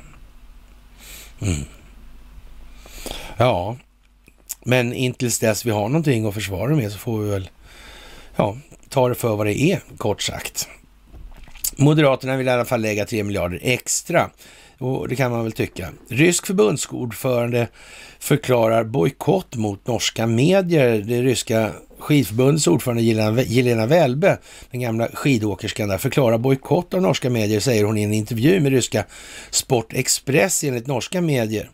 Med detta på grund av en kommentar från NRKs profilerade kommentator Jan Petter Saltved, som i en krönika skrev att ryska åkare aldrig borde ha fått komma till start i OS på grund av landets tidigare systematiska doping. Varken jag eller mina idrottsutövare har tagit upp diskvalificeringar av deras idrottsutövare, som om det var många av, säger Välbe, som nu kräver en offentlig ursäkt. Ja, det där är nog mycket värre än vad vi vet, eller det är mycket värre än vad vi vet, helt garanterat. Alla har inte åkt fast nämligen, det är alldeles jävla säkert. Och har det varit institutionaliserade fuskningar alltså. Det vill säga, man har manipulerat dopingtester. Man har täckt upp från olika specialidrottsförbunds sida för sina respektive utövare. Och nu rasar det här. Man kan väl säga så här att elitidrottare i gemen är väl inte kanske de som tänker mest på avlyssning i så mått. Nu för din kanske det är bättre, men jag kan väl säga så här att eh, ja, förr i tiden så var det inte det i den meningen. Visst, det fanns ju någon, men det var en gång i tiden helt annorlunda i grund och botten. Det var liksom, ja, piketpolisens löneförmån höll jag på att säga, men närmast i alla fall. Sådär, de var storvuxna helt enkelt sådär, och höll sällan, eller jag ska säga höll eh, påfallande ofta på med kraftsport och kampsport och sånt där. Och det må ju ha sina effekter och ja, sådär. Vi, ni förstår själva att det här är någonting som kan komma att dra med sig helt otroligt mycket opinion. Och det kan vara så alltså att man från den sida som har planerat att motverka den djupa staten faktiskt har begripit den saken och därför har agerat just som man har gjort för att komma i den här situationen som vi är just nu. Och nu räcker det. Vi behöver inte mer information. Vi har allt som behövs. Signalerar den före detta amerikanska presidenten. Mm.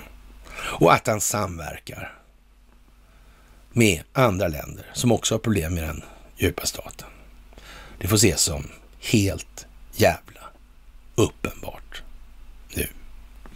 Ja, Peru får fjärde regeringen på ett halvår. Peru är ett land i Latin eller Sydamerika och Eh, ja, vad ska man säga, kör en Kalle Blomqvist här så får ni se. Och det var ju konstigt det här, Perus president Pedro Castillo svor under tisdagen in en ny regering eh, för fjärde gången på ett halvår. Det är ett mönster. Vad gör han egentligen? Vad beror det här på? Ja, den förra uppsättningen var bara i tre dagar tills det att premiärminister Hector Waller avgick, avgick efter avslöjandet om att han tidigare var anklagats för våld i hemmet alltså. Ja, det var väl konstigt. Ja. Men, men eh, hur... Eh, det är inte så att de har satt det där i system eller? Och en gång kanske det blev då den här Hector Waller då, då och nästa gång kanske det blir tio till i någon annat sammanhang och någon annan härva och så vidare. Kan det vara så?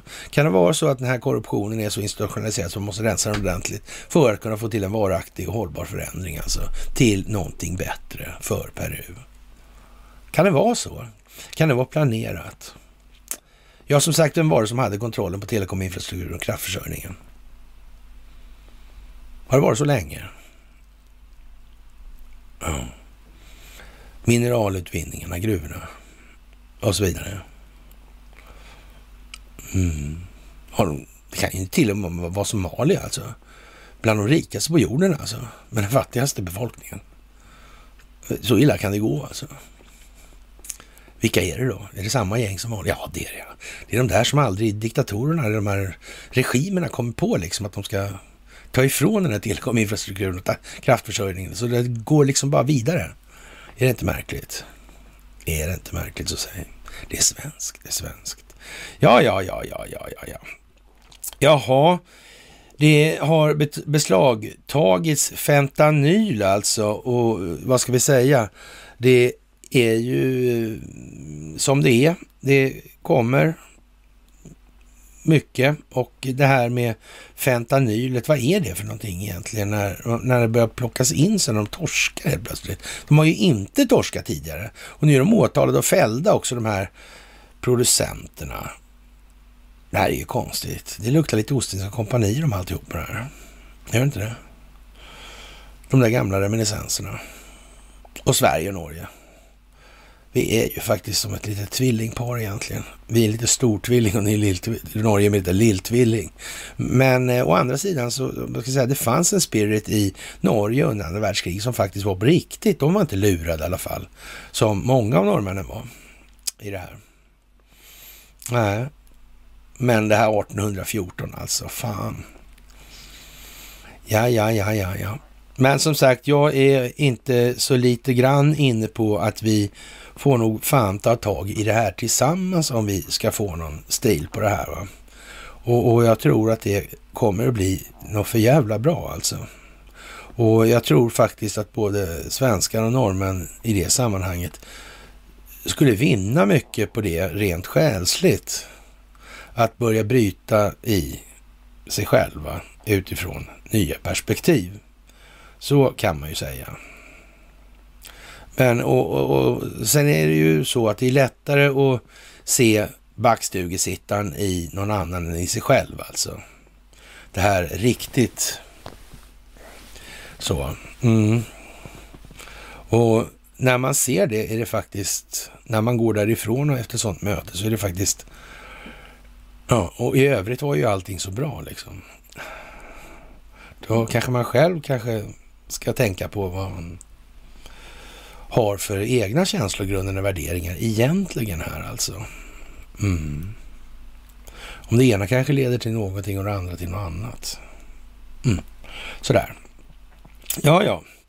Som sagt, det här med hur pengar skapas och det uppstår skuldmättnad, det kan ni ju titta på på nätet och det är ju liksom inte så mycket att diskutera. Covid-19 slutar kallas samhällsfarlig av regeringen efter mars då. Och eh, ja, man försöker då dessutom få till en utredning då som ska utreda hur man ska begränsa de medborgerliga fri och rättigheterna för den svenska befolkningen. Då. Mm. Och det manar inte till någon eftertanke i någon större utsträckning hos befolkningen naturligtvis. Det är bara att göra. De vill ju vårt bästa. Och eh, ja, som sagt, vi får exakt vad vi förtjänar. Vartenda jävla uns lidande den här befolkningen får över sig alltså. Och när det gäller att få över sig lidande och så vidare kan ni ju tänka på Pandoras ask då i det här. Ja, hon gav elden till människan. Det blev ljus, det blev upplysning. Ja. Hans lidande lades i asken. Och hon kunde inte låta bli att öppna den. Så var det va? Mm. Han får ju han får igen locket en sak kvar, det var hoppet. Det var så. Hoppet överger aldrig människan. Nej, så är det ju. Men det gäller ju att ha en så bra bild av verkligheten som möjligt. Det gäller att ha så sunda känslogrunder och värderingar som möjligt i förhållande till verkligheten för att det där ska bli något bra helt enkelt. Mm. Och då är det ingen fördel med att leva i vanföreställningar. Det är någonting dåligt då. Ja, ja, det är ju speciellt. Idag släpps alltså restriktionerna om människor runt i landet roar sig hesa när vi minsann är fria. Eller kanske inte så heller, lite grann alltså. Och eh, vi har ju tagit några steg i alla fall och lite närmare kontrollsamhället. Det är ju inte så mycket att diskutera och det är privatpersoner i privata bolag som sitter i kontrollen över telekominfrastrukturen, betalningsinfrastrukturen, kraftförsörjningen och skapandet av betalningsmedel. Fortfarande kontrollerar våra politiker ingenting och en ekonomi som styr politiken den kontrolleras av bankerna och det ekonomiska systemet är skuldmättat alltså. Och hur fria vi egentligen är i det här, det kan man ju ställa sig frågan. Det är ju det som är poängen, att vi ska bli så fria som möjligt och det är kanske framför allt då från våra egna vanföreställningar. Då. Mm. Och därför heter ju folkrörelsen som den gör naturligtvis, för det är ju så själva signumet för rörelsens verksamhet. Den strävan som folkrörelsen söker efter. Det är ju lite speciellt faktiskt. Ja, jaha, och the usual suspects, det är ju vad de är och det är väl ingenting att diskutera i den meningen heller. Och enligt eh, media och hela etablissemanget, falska nyheter, de vill inte ge med sig riktigt just nu. Och eh, Hillary, Obama och Hunter Bidens laptop from hell, Ukraina, Russia, Russia, Russia, Russia Gate och eh, valfusket och Fusion GPS och framförallt kanske den här Bruce Orr och hans eh, fru Nelly år som jobbade på Fusion GPS. Hon föll lite bort här i hanteringen och det verkar ju, tycker vi, lite intressant då faktiskt. För eh, man får ju nästan intrycket eh, i de här sammanhangen då att eh, kopplingen in i justitiedepartementet och Fusion GPS och så. Alltså det känns nästan som att kan någon ha snackat alltså redan för jävla länge sedan. Alltså vad gjorde han egentligen på jobb med den där dörren? Han missade han eller i år helt alltså. Och, och, och, om man är inne där då, inne på Fusion GPS och och så Perkins Coyer här, då är det ju liksom väldigt besvärligt alltså. Och det visar sig att Fusion GPS har ju varit med och är inblandad i princip allting alltså helt plötsligt. De har varit med i, inte bara den här skitiga stilldossiern, de har varit med i alla möjliga upptänkliga andra sammanhang. För att brunsmeta den dåvarande presidenten Donald Trump. Mm. Men blir det här bra? Svenska medier har gjort en heroisk insats, måste man ju säga. Eh, en moralisk föredömlig insats genom att belysa de här frågorna och problemen precis för vad de är alltså. Och, och, det kan man väl säga så här, när det nu kommer upp i ljuset av verkligheten, då är ju frågan eh, hur mycket finns det kvar av svenska mediers trovärdighet i den meningen? Ja, det är klart att en stor del av befolkningen kommer naturligtvis inte reagera eftersom de svenska medierna inte sannolikt kommer att skriva så mycket om det, så då har det ju aldrig hänt. Så. Men, men den delen eh, av befolkningen sorterar alltså i det segment som utgör de 80 procent som kommer följa med de övriga. Och där kommer ju naturligtvis en, ja, de första delarna eller personerna i det här 80 procents segmentet kommer ju förstå mer än de sista då. då. Ja, så är det ju.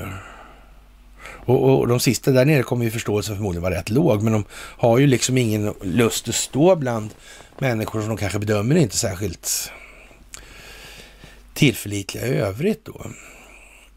Så de väljer nog att följa efter dem som de tror själva förstår mer helt enkelt och agera i enlighet med vad de gör och uttrycker.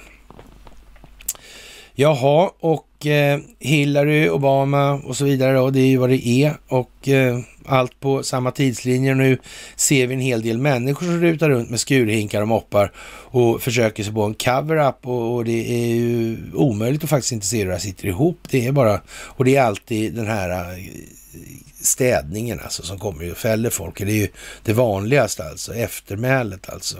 När man ska sopa in, man har varit tvungen att laga efter läge. Och då har man inte hunnit att ha tillräckligt djup planeringshorisont ur det perspektiv som gäller. Och, och därför kommer också de kringliggande alltså säga, omständigheterna i den intilliggande perspektiven kommer att knäcka den storyn. Alltid. Så är det också. Det stämmer inte med omvärldens utvecklingsförlopp helt enkelt. Det blir helt fel faktiskt. Och det är ju inte så svårt att se. Släck lyset och spraya och tvätta och så vidare. Det är som det är nu bara. Det är Durham och det är slutspel och så vidare. Och eh, ja, de har allting de behöver. Och det är inte så mycket att be för och eh, det kommer när det kommer och det kommer nu helt enkelt verkar det som. Det verkar inte vara så mycket kvar i den meningen. Faktiskt. Nu ställs det upp och eh, ja, hur blir det här egentligen då? Med, med man, man, säger ju då, alltså blir det någon eh, blackout? Blir det någon nödsändningar? Blir det någon jättekrasch? Förmodligen inte. Förmodligen inte. Det man från amerikansk sida inte kan ta med i analysen det är till exempel att det här med telekominfrastrukturen, att den måste ha varit kontrollerad Sedan långt, sedan lång tid tillbaka alltså. Så, och, och eh, ja, jag höll på att säga definitivt under hela Donald Trumps presidentperiod. Det, det har den varit. Mm. Och eh, ja, det kan inte ha varit så roligt det här alltså för Arsenalsgatan 8. Det måste ha varit kontrollerat. Så. Och långt tid tidigare också. Men till delar Men det går ju inte att tala om för den amerikanska befolkningen, och inte opinion, ska inte X22 kan för fan inte sitta och säga att det, ja, vi tog befälet över Ericsson för så här länge sedan. Ja, fan, då, då, befolkningen har, har, ingen förståelse för den här typen av geopolitiska utvecklingsspel, så de hade ju bara skrikit. Du menar att det här dåliga, som vi har förlorat allting nu här och då? Ja, att, att, ni hade kunnat liksom gjort, avgjort det här för länge sedan. Jo, men det handlar ju inte om det. För om man hade gjort så, då hade den här jävla hydran som måste tvättas ur, den hade aldrig kunnat tvättas ur. Det måste ske exakt som det har gått till nu. Det går inte annars. Det går inte bara att kapa bort ett par, tre gubbar högst upp och tro att sen funkar det. Det tar noll tid att se det här igång igen alltså. Det måste städas ordentligt, annars kan man lika bra låta bli i princip och bida sin tid till dess att man kan nå de effekter eller uppnå de effekter som man söker för långsiktig hållbarhet i det här. Det är bara så. Det är ingen idé att gå på halvfart i den meningen. Jaha, och eh, det är livat i Förenade Arabemiraten såklart. Och eh, ja, har man globala ögon så har man ju det. Det har man ju i Förenade Arabemiraten och eh, det är väl förmodligen så att det kommer att bli turbulent där då. Mm. Har man det ena så har man det andra så att säga. Så är det ju också. Ja, och eh, bönderna får inte många ören eller kronor i höjning för råvarorna nu alltså. Nej. Det är konstigt. För det är ju i kund, det här betalningskraften sitter för det här. Det är ju det, det är slutanvändaren alltså. Det är den betalningsförmågan som är syvende och sist. Därför ekonomin går dit efterfrågan går alltså. Men när man lyckas få folk att tänka tvärtom i det här hela, hela tiden, det är ju för jävla trist alltså. Och så lite ansträngning i den ändan är faktiskt ingenting som är farligt alltså. Och tänka efter lite, men fan kan det, men det kan inte, så här måste det väl vara. Och så sitta och plocka lite, vad händer egentligen? Det är ju inte så svårt att förstå. Varför säger de inte prishöjning? Varför säger de inflation? Varför inte prishöjning? Kommer, vadå för prishöjning? Varför höjer de priset? Ja, och så tar man det den vägen istället. Men det är väl inte så att mängden cirkulerande betalning som alltså, kommer före prishöjningen? Men prishöjningen kommer ju först. Och hur kommer det här sig? Om vi tar det liksom, är det, är det prisinflation på drivmedelspriser? Är det prisinflation på elen? Hur, hur kopplar man inflationsbegreppet till dieselpriset? Hur kopplar man inflationsbegreppet till energipriset? Energiprisinflation. Folk har så mycket pengar och konkurrerar så hårt så det driver upp priserna. Förlåt? Eh, nej, det är ingen ens som försöker säga så. Av en viss given och på goda grunder skapad anledning så är det ingen som försöker med den valsen. Det är ju konstigt. Men man kan, de säger inte prishöjning. Vad beror energipris... Den beror på inflation. Förlåt? Okej. Okay. Hur då exakt? Ja, och så kommer ju de här konstlade grejerna. Det är jättehög höga oljepriser. Ja, men då tittar vi då sedan 1983 vad dollarna kostar per fat. Ja, och så tittar vi fram idag, till idag. Och då finns det ju inte en chans i helvetet att det här ens är beroende av råoljepriser. Det är ju till en skrattretande liten del i så fall. Ja. Är inte det fantastiskt? Hur kommer det sig? Ja, det är inflation. Ja. Det är magi alltså, eller något sånt där motsvarande. Jag vet inte riktigt. Men jag tycker i alla fall att det där får folk ta och rycka upp sig med och det ligger, åligger oss alla att poängtera det här. Det här är ju faktiskt lite konstigt. Tycker inte ni själva att det här verkar lite dumt rent ut sagt? Jo, det tycker alla i och för sig. Ann Linne Ann Linde, hon, väntade, hon påstår att Ryssland väntar sig inte en så stark enighet ifrån Europa och ja, när det gäller det här med Ryssland. Och vi röt ju i ordentligt där, brukar man ju säga då numera, att när vi visade upp då att vi mobiliserade eh, 28 personer på Gotland och ett pansarskyttefordon och så vidare.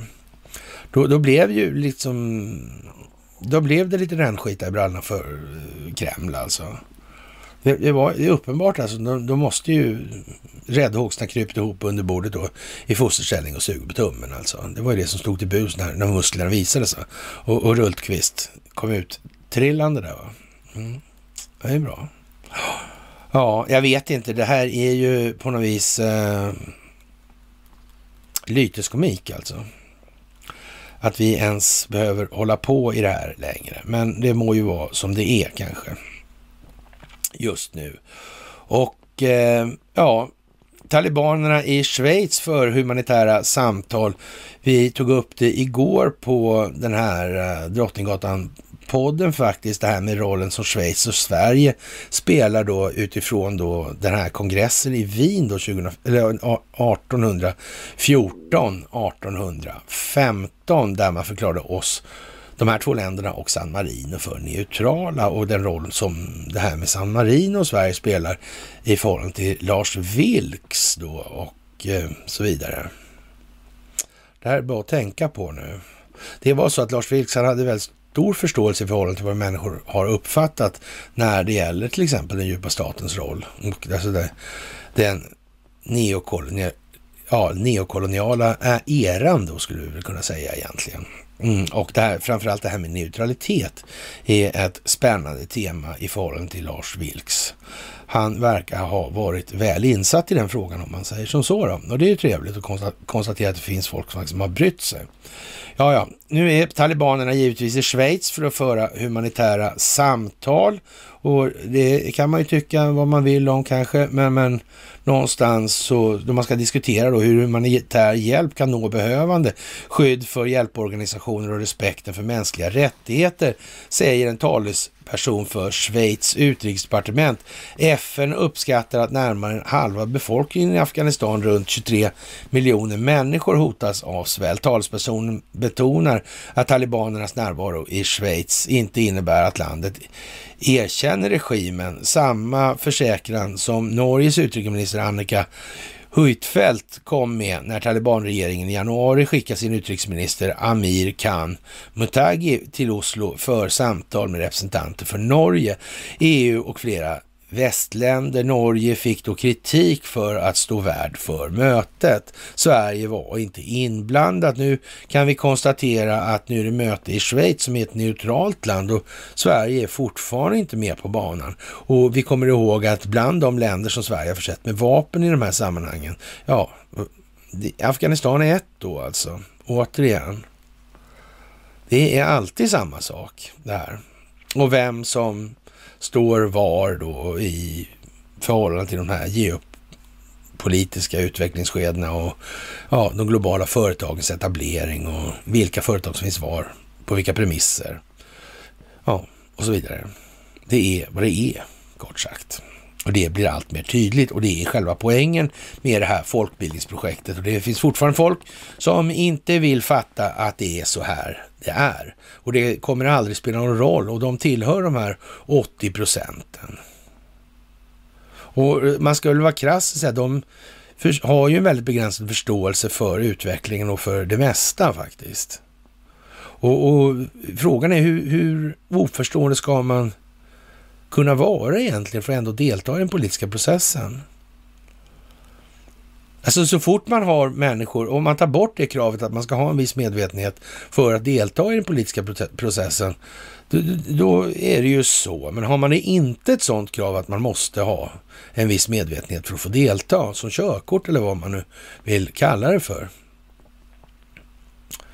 Men då, är ju man, då har man ju öppnat dörren direkt för att det här ska korrumperas. Då kommer det ju direkt växa fram väsen, eller eh, intressen då som kommer verka för att vidga den här omedvetenheten för att kunna utnyttja den själva. Det är helt självklart. Alltså, det är helt självklart. Antingen så kör man det här upplysningsvägen för att få en mer medvetet medveten befolkning alltså som deltar i beslutsprocessen i en allt mer växande och större utsträckning. Det är ju vad som händer. En befolkning som förstår vikten av att revidera sina egna känslogrundande värderingar kontinuerligt för att utvecklas som människa och individ eftersom det bara är då som samhället kan utvecklas. Antingen gör man ju så eller också gör man ju inte så, då, gör man det, då blir det ju tvärtom. Och då undrar ju vän av ordning, är man så jävla trög då som man inte fattar att det är så eller? Vad beror det på? Eller beror det på viljan rent utav? Att man vill att det ska gå att utnyttja? Man vill att det ska gå att exploatera människor som ingenting begriper. Kan det vara så alltså? Ja, jag vet inte. Det... Man skulle ju kunna tänka sig att människor, det finns människor som inte är så utvecklade, som faktiskt då kanske själsligt sett tycker att det är helt okej okay att exploatera andra människor. För egen nyttas skull. Eller för egen nyttas räkning. Ja ja, jag vet inte. Möjligen. Det kan ju vara så. Jag tror någonstans att vi ska tänka till lite. Till tronskifte på börsen. Amerikanerna kör om Wallenberg. Det handlar om Blackrock givetvis och vi kan väl enkelt sammanfatta det som det finns två stycken centralbanker som har Blackrock som rådgivare för inköp av företagsobligationer. Händelsevis alltså. Och nu tänker vi på i termer av vad är kontroll alltså? Vad är ägande och vad är kontroll? Mm. Och de här två enheterna som har Blackrock som finansiell rådgivare i de sammanhangen, det är då Federal Reserve och den svenska riksbanken. Mm. Men en tillfällighet bara. Det är Rockefeller. Nej, det är inte Rockefeller. Det är det inte. Mm. Ja, ja, vi får väl se. Mm. Orsaken till att det finns en dopinggräns, det här är Radio Mosebacke alltså, Frasse. Orsaken till att det finns en dopinggräns i konditionsidrotter är förutom fusk den förhöjda risken för proppbildning. Dopinggränsen är då 170 HB, blodets tjocklek, trölighet, viskositet mäts, mäts i EVF då. Och eh, över 170 HB då ökar risken i en graf som ser ut som en hockeyklubba ungefär. Då. Ja, det är fördel, dock är fördelarna så stora gällande syreupptagningen att ingen kan, blir mer röda blodkroppar alltså, att ingen kan hävda sig utan att ligga precis under då, strax under den här gränsen. Lagliga sätt att öka sitt HB är till exempel då ja, höghöjdsträning, mindre lagliga i EPO, centrifugera röda blodkroppar, och testosteron, anabola steroider med flera så här metoder. Det är olika sådär. Men, eh, dock finns det inget som tyder på att detta skulle vara orsaken till den formidabla flodvåg av fall som kommer det senaste året. Vad kan eh, vara orsaken? Slumpen?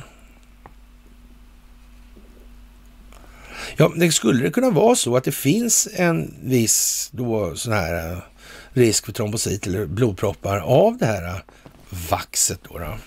Och har man redan då så att säga en rätt så, så mm, hög eller högt utvecklad risk för proppar. Man kanske glömmer att äta acetylsalicylsyra eller inte ens har kommit på att man ska göra det. ja. Ja, och så slår man på med det där vaxet också. Då har man dubbla gager så att säga. I den ena dubbla insatser i vart fall. Ja, och det här med dopingtesterna, för det var ju vad det var med dem alltså. Mm, och det verkar ju komma på tapeten då lite, grann. Sådär alltså. Mm. Skulle det kunna vara så alltså? Det skulle kunna vara det. Det finns lite olika sätt att se på det. Jaha, priserna fortsätter att stiga och då vänder utvecklingen. Och ja, vad ska man säga, beror på att, ja, vd för branschorganisationen Drivkraft i Sverige då, Jessica Alenius, hon anser att utvecklingen beror främst på att priset på råolja har rusat 60 procent under 2021. Jag tycker att hon ska ta och titta på de historiska priserna i de här sammanhangen och titta vad det här har varit över tid alltså. Mm. Och det, det, det, är ju lite grann som, eh, ja, vi har varit inne på här att det, ja, det här måste gå som det går. Alltså det här måste bli som det blir i den meningen. Det är inget, inget att diskutera helt enkelt. Ja, och som sagt, jag nämnde tidigare, utredaren ska se, till, se över behovet av att kunna begränsa folksamlingar vid stora sjukdomsutbrott. Och eh, ja, det här utredaren då, Hedengren då, han kommer ta, till, ta till ställning till ytterligare frågor då till exempel om huruvida sanktioner och tillsyn mot enskilda skulle vara önskvärt för begränsningar av stora sjukdomsutbrott, men också om bestämmelserna kring testning och smittspårning såväl som behovet av extraordinära smittskyddsåtgärder. Utredaren ska överväga utrymmet i lagstiftningen för tillfälliga utegångsförbud, säger Hallengren. Och frågan är väl, det är väl lika bra att införa det där på en gång. Alltså det här kommer ju ta kommer ju ta lång tid annars alltså. Det, det, kan man ju tycka att det får ju faktiskt finnas gränser, men vad fan liksom. Ja, ja. Det är som det är i den meningen och vi står där vi står helt enkelt. Och eh, förra påven ber om ursäkt då för övergreppsutredningen då och det är ju eh, så dags det kan man väl säga. Vi får väl, ja, konstatera att den här kyrkan har haft sin roll i vad den har haft sin roll i av anledningar som de själva känner till och har ansvaret för, varken mer eller mindre. Så. Ja, och det kommer att landa där det ska just därför. I Sverige har vi då det svenska rättssystemet att ta hänsyn till 12 år av anmälningar. Sedan dömde pappas, pappan för oräkneligt antal våldtäkter. Och det svenska rättssystemet är ju vad det är och det finns ingenting att diskutera om. Det är bortom löjeväckande faktiskt. Och vi har sagt att det här kommer slå in i Sverige som en tsunami utifrån via utrikespolitiken och då gäller det alltså att vi har en uppfattning etablerad i det här landet som omvärlden kommer anse vara värd sitt salt alltså. Och då ingår inte att bry sig om den inhemska frågan. Det är inte den som har plågat, i och för sig indirekt, men som har plågat omvärlden under så här lång tid. Det ska vi vara helt på det klara med tycker jag. Faktiskt. Det är direkt ansvarslöst att skita i utrikespolitiken i det läget som är råder nu. Det kan vi säga. Det kommer omvärlden också tycka, det kan jag helt förvissa dem. Och ja, när det gäller valet i eh, USA, Maricopa County till exempel, så ja, nu visar man i övervakningsfilmer att det här, så här har gått till. Och ja, det innebär ju någonstans att det är bara en tidsfråga nu, en liten tidsfråga. Kanske inte ens det längre, det är kanske rent... Det, ja, eller som Donald Trump sa, ja, vi har vad vi behöver nu. Och nu är det go. Så. Ja, det är ju speciellt alltså. Vägrade gå ut på isen, matchen sköts upp 40 minuter och sen åkte alla ut och spelade med ansiktsmask. Det handlar OS-hockeyn mellan då Kanada och ryska, ja, man, vad ska man säga egentligen? Jag vet inte. Blir det inte lite löjligt det här nu snart? Det var damhockeyn då. Jag vet inte. Jag tycker att det borde väl vara, ja, Ja, jag vet inte. Det, det, det, någonstans tänker man ju liksom att det, ja, varför... Eh, det var uteblivna covid-tester då. Då spelar de med munskydd under gallren alltså. Mm. Men Är, är det verkligen så illa? Så det här är de, de tror verkligen på vad de håller på med. Det tror inte jag. Jag tror inte de är så hjärndöda. Nej, jag vill inte tro det alltså. Graden av civilisation i ett samhälle kan bedömas genom vilket rättssystem de har. Ja, det kan man ju säga.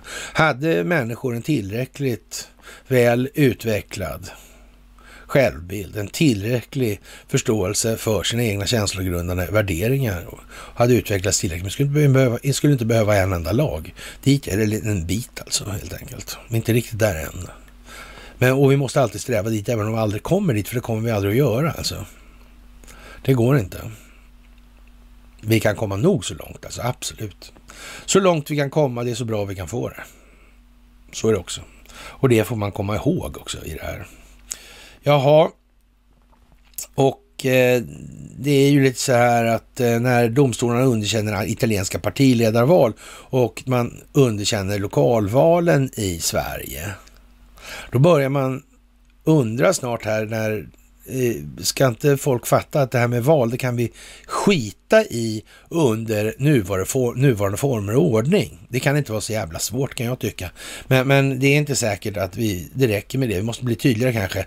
Och man kan väl eh, säga så här att när en domare i Högsta domstolen, Ann-Kristin Lindblad, lämnar sitt uppdrag efter misstänkt misstankar om snatteri i en mataffär, ja, då har vi väl i alla fall eh, Rötsystemet är ju vad det är, alltså det handlar ju om det. Och det här är ju liksom, eh, det här är ju en moralisk föredömlighet som gränsar till sinnessjukdom alltså. Mm. Det, det, är på den ändan av linjalen, inte den andra alltså. Det är liksom temperaturskalan neråt här som gäller, alltså söderut.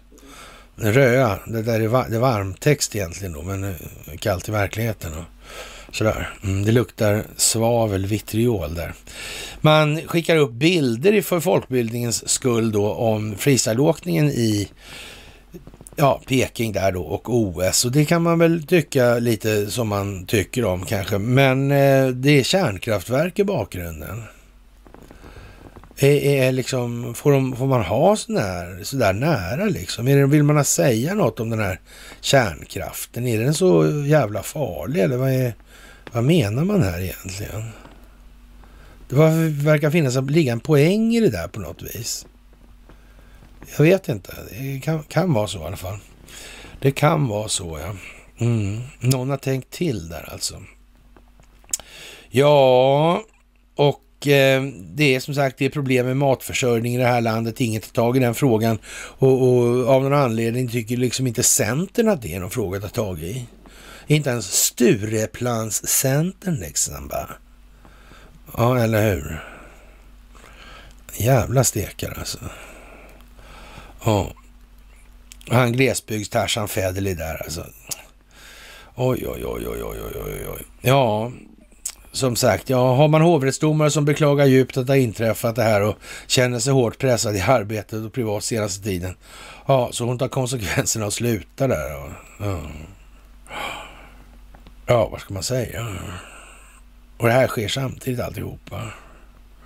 Det hänger inte ihop alls. Alltså. Det har ingen med folkbildning att göra och så vidare. Och, ja, NATO, NATO tar chansen naturligtvis och ja, postulerar att det finns vissa risker, eller möjligtvis kanske då inte ändå, alltså med ryska invasioner i Baltikum där alltså. Mm. Ja, det där med eh, Litauen alltså. Var inte hon Timosjenkos farsa därifrån? Ja, det var Hon sålde metall i början här för mig. Hon kallas för metallkärring, det minns jag bestämt på 90-talet där i början. Ja. Först hade hon videobutik förresten. Just det, sen blev det världens största och mest framgångsrika videobutik. Då slog hon så snabbt över på det med att sälja metall och sen gled hon över på det här med gasen också. Jävla karriär alltså. Ja, det var ju det här stället, om det var Baltikum, där var det ju det här med juridiska institutioner va? Och, och finansiera dem, för det var ju det som skulle styra tryggheten i affärsklimatet. Var det inte så?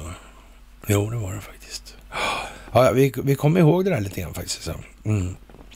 USAs skatteverk upphör med den här ansiktsigenkänningen, alltså det biometriska data. Det, det är ju någonting som svenska Trafikverket har ägnat sig åt under evärdliga tider, men verkar tyvärr nu, eller verkar ha fått lite kalla fötter i den meningen. Och vi får väl se om det är någon som lyckas få en, ja, så att säga, napp på de här betorna då som jag vet att folk har ägnat sig åt. Då. Mm. Men helt säkert är i alla fall att de är definitivt misstänksamma mot vad som sker nu när det gäller det här med trafikkameror och annat. De har ju bytt rutiner där av någon anledning och det kommer inte längre sådana här handlingar med bild till ägaren till bilar och sådana här grejer. det är konstigt. För det är ingen jävla kärring som sitter uppe i Kiruna där på något jävla kontor och jämför kartotek alltså. Med de här bilderna. Det är det inte. Det är biometrisk datalagring som gäller i de där sammanhangen och det har de inte tillstånd för helt enkelt. Nej. Och dessutom går de där jävlarna hela tiden. Kan ni vara helt säkra på. Jaha, kärnkraften är ett tungt skäl att rösta höger, alltså det strålar igenom lite där. Men, men som sagt, det är vad det är och det ska bli vad det blir, kort sagt. Och eh, det här med monetärmekaniken, jag är inte sådär alldeles säker på att vi ska lägga så mycket mer tid på det just idag i alla fall. Och jag, eh, så att säga, ja, det är vad det är och det gäller att läsa in sig på det här och förstå det där. Det är liksom inte mer komplicerat. Den här jävla bankprosan som de håller på med, den är vad den är och det handlar om att det hela tiden ligger ett latent, växande, ackumulerat likviditetsunderskott på grund av att kostnaden för räntekomponenten inte ligger inom ramen för det nominellt skapade beloppet. Och det här är ju lite svårt då när, när man som svensk har fått lära sig att man ska vara eh, liksom enstaviga ord, korta, äh, äh, äh, äh, så här liksom. Då, då, blir det här, det blir lite för sofistikerat helt enkelt för den, den svenska hjärnan i allmänhet alltså. Men man får öva upp den här förmågan så att man kan använda lite längre meningar än de med fyra ord bara. Och sen får man faktiskt vara rädd om den ja, möjligheten vi fortfarande har att skapa egna ord genom att sätta samman andra ord. Det, det är inte så många språk som har det på samma sätt och därför säger kineserna att svenskan är den mest till himlen växande språkformen. Och, eh, eller lär ha sagt i alla fall. Det är ju som det är faktiskt. Ja, det här med medial påverkan är vad det är och eh, ja, man får inte tuta i Ottawa som är en gammal kronkoloni. Det här känner ni till.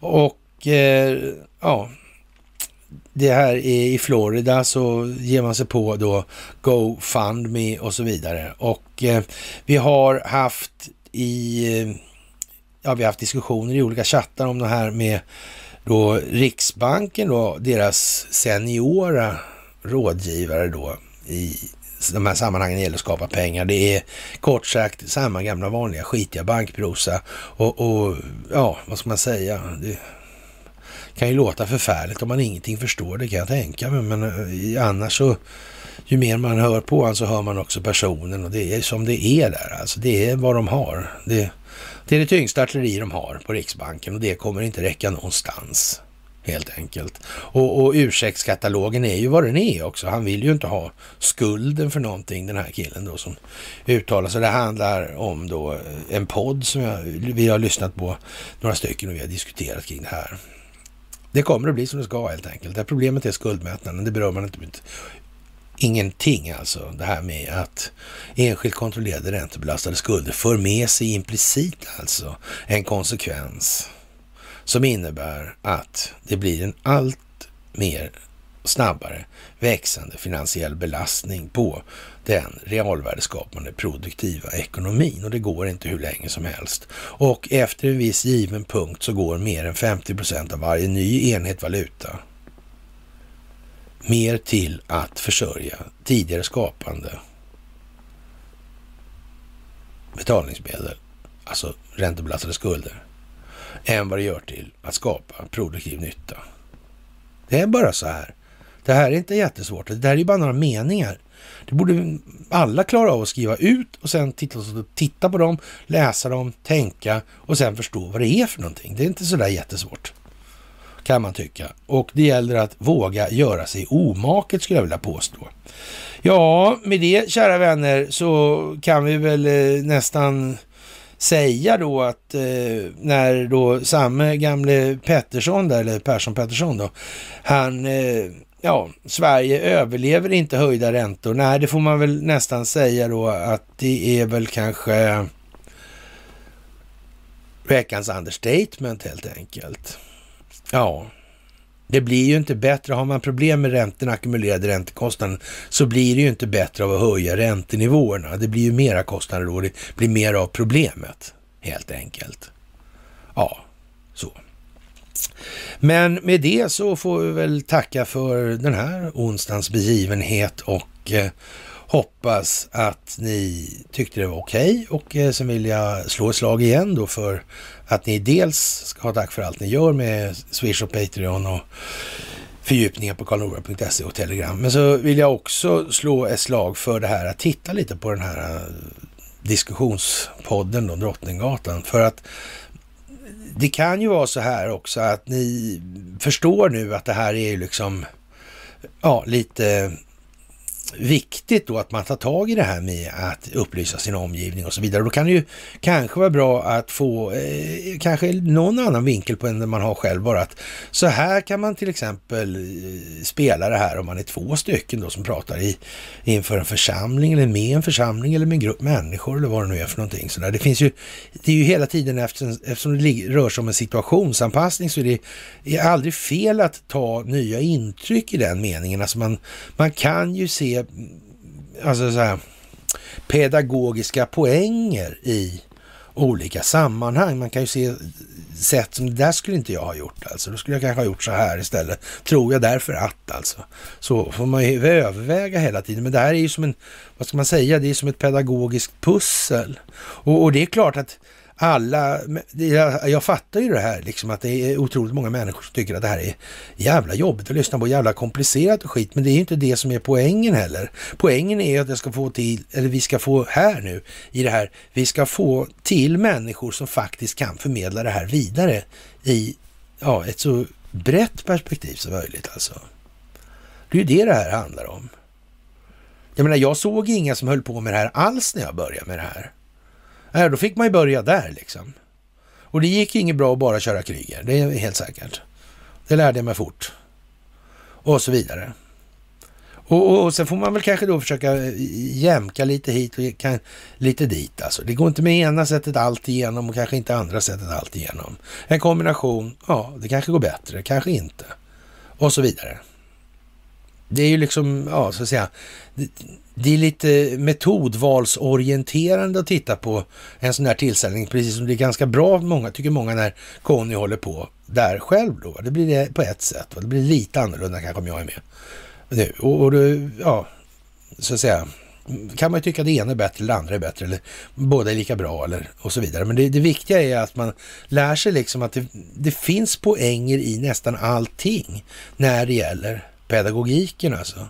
Att kommunicera informationen för att få resonans och inte skapa dissonans. Så med det kära vänner så tackar vi som sagt för idag och vi återkommer senast på fredag. Okej, okay!